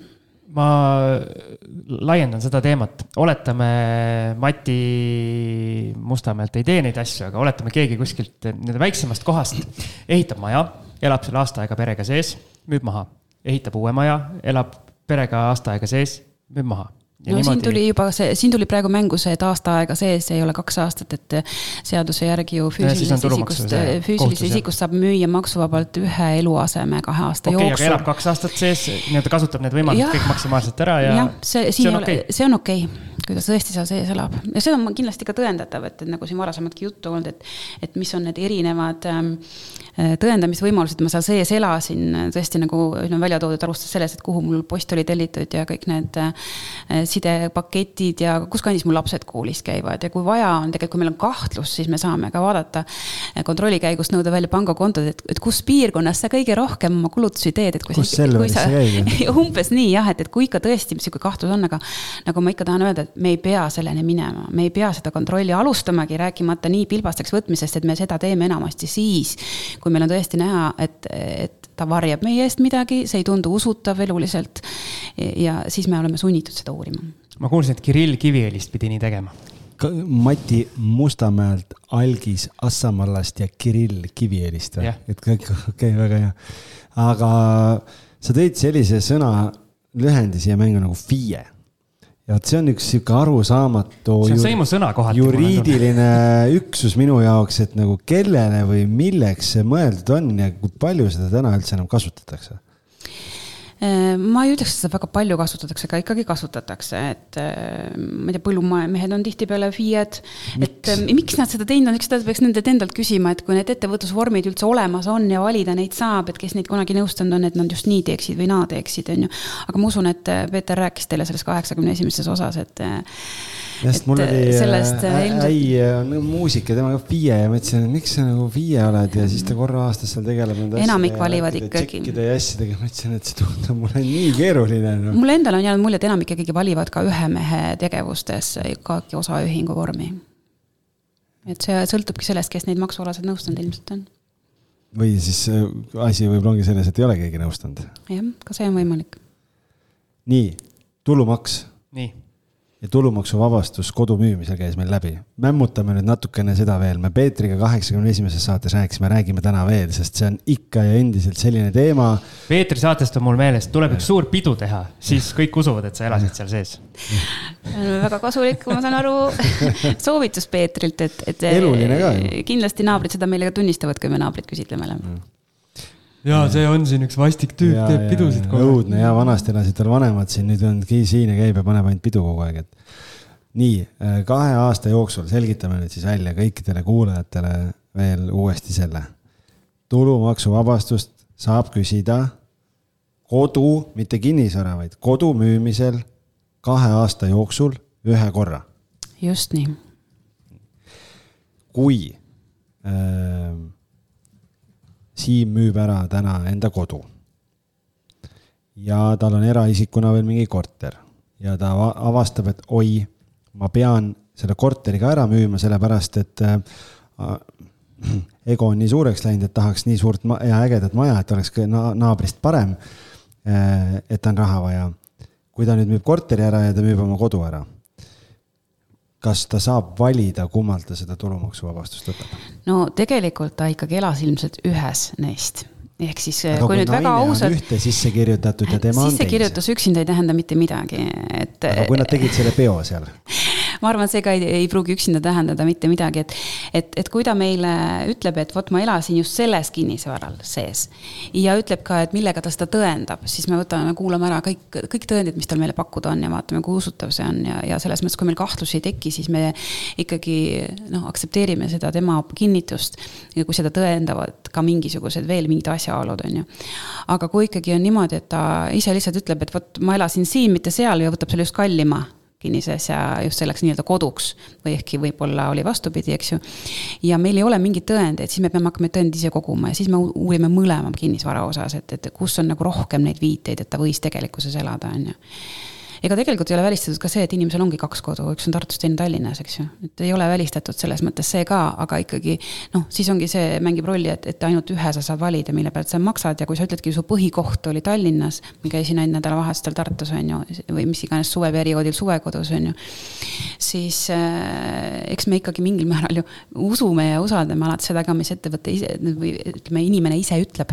kui Ljudmilla Lasnamäelt saab omale päranduseks saja tuhande eurose korteri ja ta müüb selle ära, milliselt osalt ja kui palju ta maksab tulumaksu? ta ikkagi maksab selle müügihinnalt tulumaksu, sest tema soetuse maksumus oli null, et ta ei, tal ei ole midagi maha arvata, sealt tal ei ole kasu, et mingi, et millegi ostu- või müügihinna vahelt näiteks, mis tavaliselt on, on ju. aga jah, kui ta see, seda iseelamispinnana ei kasutanud, kohe selle ära müüs, siis paraku ta peab maksma täissummalt sellega seoses oli üks küsimus ka meil, aga see oli natuke keerulisem äh, küsimus, et ähm, Kelly küsib. inimene, kes ei ole Eesti maksumaksja ta ei ela Eestis, ta ei ole ka Eesti kodanik, aga ta saab päranduseks Eestis asuva kinnisvara ja müüb selle maha. kas ja missugune on tema, tema tulumaksu maksmise kohustus selle vara müügi pealt? Äh, tegelikult äh, kuna kinnisvara asub ikkagi Eestis, siis maks, maksu ta peab Eestile maksma ja selle samamoodi nagu ka Eesti elanikud müüvad kinnisvara, ta peab tulumaksu selle kasu pealt maksma. et siin ei loe rahvus või see, millise riigi kodanik sa oled, vaid see, et. et see kinnisvara asub Eestis okay., jah küsi siis järgmine ka kohe ära. ahah, pärandiks saadud korter. pärija teostab seal kapitaalremondi, sisustab täielikult uue mööbli ja kõige muu vajalikuga. kui ta soovib selle korteri ära müüa, kas ta saab lisaks remondile maha arvata ka sisustuse, kui müüakse koos sisustusega? et kas ta saab seda teha? ei, paraku ei saa, renoveerimiskulud ainult need, mis tõstavad selle, ütleme, väärtust, kinnisasja väärtust. Need ta saab äh, nagu lugeda ka soetusmaksumuse hulka, on ju. aga mööbli poolt ei saa, on ka meie kodulehel vastavad suunised olemas. ja siis on täiendav küsimus, millele sa tegelikult juba vastasid enne ära, aga küsime siis ära. et kui ta ise samale pinnale elama koliks ja müüks seda oma koduna kas siis saaks müügitulu deklareerimisel mingeid erisusi rakendada? kui ta sinna päriselt tõesti kolib ja enne müüki seal elab ja see on ka tõendatav, siis jah, ta saab seda oma koduna maksuvabastust kasutada. aga jällegi, kui meil peaks tekkima kahtlus, et, et oot-oot-oot, tal on tegelikult ju olemas veel kuskil midagi ja, ja ja siis ta peaks hakkama tõendama, et oota, kumbas sa tegelikult elasid siis.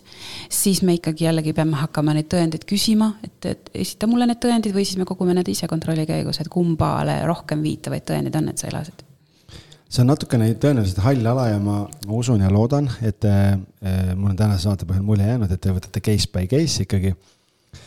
selline olukord, et äh, pere läheb lahku äh,.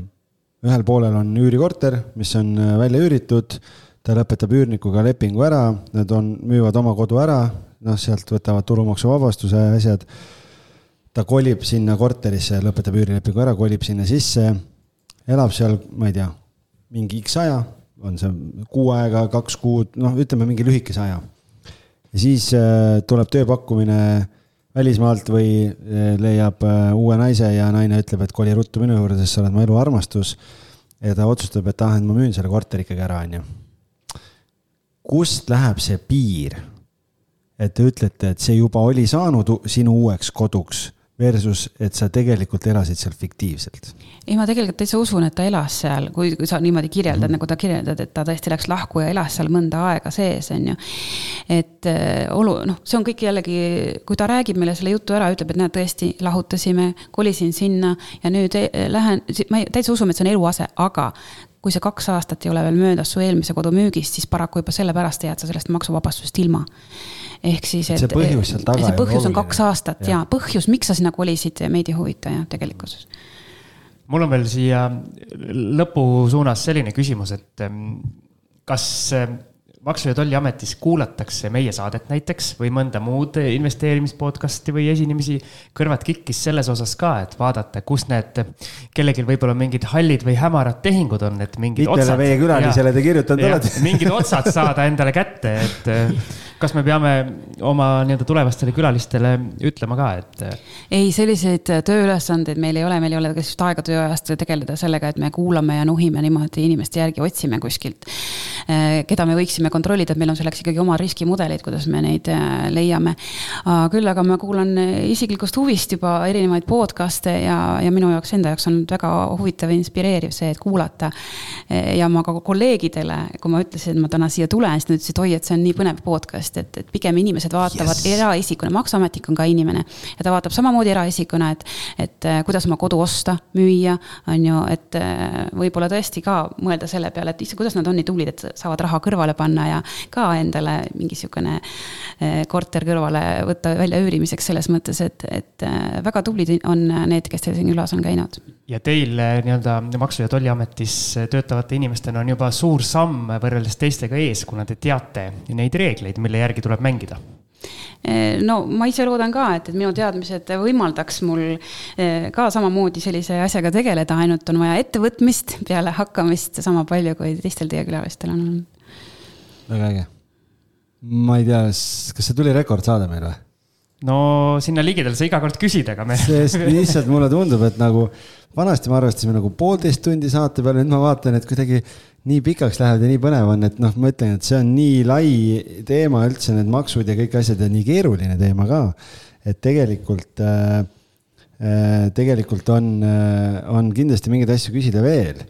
aga tegelikult äh, meil on üks küsimus või teema vist on veel, mis meil on Siimuga jäänud kahe silma vahele, on äh, on äh, suvila äh, teema või meil tuli, tähendab, äh, see küsimus tuli pärast seda, kui sai küsimused välja saadetud.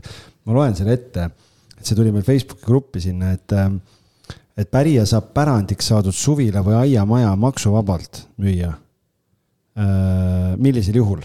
Et kui, kui keegi saab omale pärandiks aiamaja või suvila, et mis, mis on siis need äh, Äh, millega siis nagu arvestama peaks, et ma ei mäleta, kuidas see küsimus täpselt oli, Siim, kas sa saad võtta korra lahti uh? -huh. aga mul praegu kargas pähe, et see, et ma, et üks küsimus tuli pärast seda, kui, kui meil küsimused olid juba kõik nagu äh, lukku pandud. ma saan tegelikult juba vastama selles mõttes hakata, et, et suvila on tõesti eraldi ära mainitud tulumaksuseaduses ja seal on äh, olemas üks kaks tingimust, et ta peab olema tema omandis üle kahe aasta ja kinnistu suurus ei tohi ületada null koma kakskümmend viis hektarit päris väike ju. ja no nad ongi, suvilad on ikkagi suvila ja ta Aa, on väga selgelt seaduses okay. kirjas, et kui sul selline suvila on, siis see on ka maksuvaba seal küsimuses vist oli ka see null koma kakskümmend viis hektarit. ta oli sees. välja toodud, aga tal okay. see küsimus minu meelest ei olnud. Siim, kuidas see küsimus oli? no see on nii pikk, kas ma loen selle kõik ette? küsi-, ma loen selle lõppu ette. küsimus on, et kas, kui suvila müüa ja need eh, eelkirjutatud tingimused on täidetud eh, kahe aasta möödumisel ja müües samal aastal ka oma eluase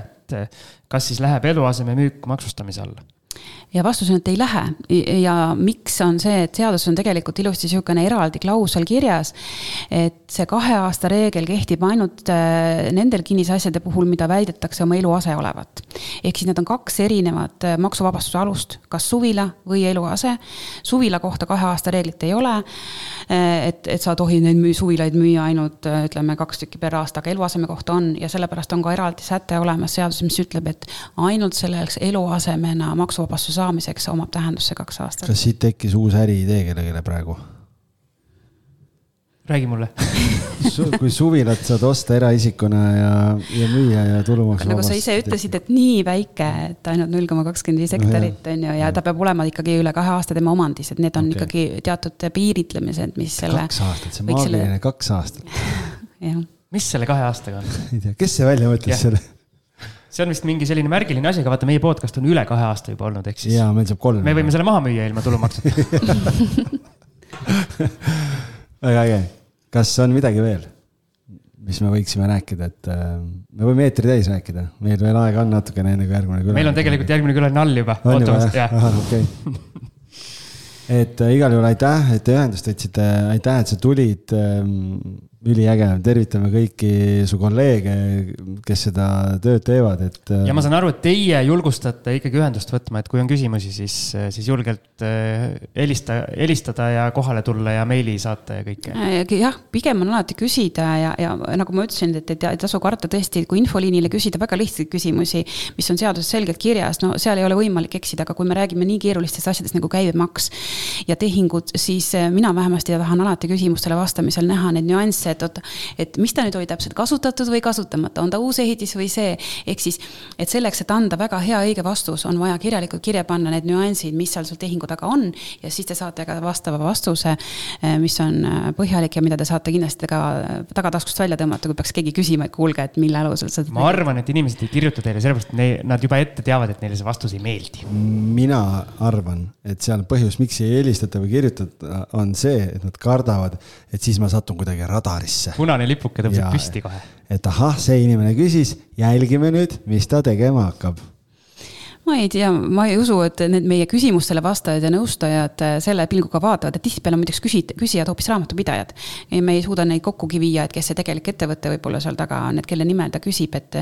et ettevõtte raamatupidaja küsib raamatupidamisfirmast näiteks, et kui on selline olukord mul kliendile, et, et kas peaks maksustama niipidi või naapidi, on ju. ehk siis me ei hakka näpuga järge ajama, kes seda täpselt küsis, on ju. millise ettevõtte jaoks te küsite kui inimene küsib, siis ta tahab asjad korda teha, õigesti teha ja ma loodan, et ta neid nõuandeid ka siis äh, kasutab ja teeb teeb asjad õigesti, et sellepärast me väga paljusid just korteri ostnud ettevõtjaid ka alguses nõustame, kui nad käibemaksu tagasi küsivad, et, et ennetada seda, et ta pärast teadmatusest äh, mõne vea teeb. super, mina sain targemaks. ja aitäh sulle veel kord ja, ja loodame, et kuulajad said ka oma küsimustele kõik vastused, nii et äh, ja kui ei saanud, siis siis meie kodulehekülg on abiks, et äh, ma annan mõned lingid, millele saab viidata seal podcast'i tutvustavas osas.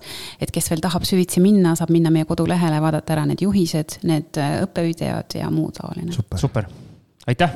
ja aitäh. aitäh kuulajatele ja olge tublid. tšau. Tähelepanu kinnisvaraentusiastid! kinnisvaraturg on suvekuumusest taastunud ja nüüd on õige aeg oma kinnisvara raha teenima panna. hetkel on kinnisvara kahekümne neljas eriti suur nõudlus üürikate järele. lisa oma pakkumine kuuekümneks päevaks Kinnisvara kakskümmend neli portaali, kasuta sooduskoodi kodu kolmkümmend ja naudi kolmekümneprotsendilist allahindlust. kinnisvara kakskümmend neli, kuuluta õiges kohas Sirkele Mall on kahekümne aastase kogemusega juhtiv projekteerimisbüroo Eestis, kes teeb projekte arhitektuurist tehnosüsteemideni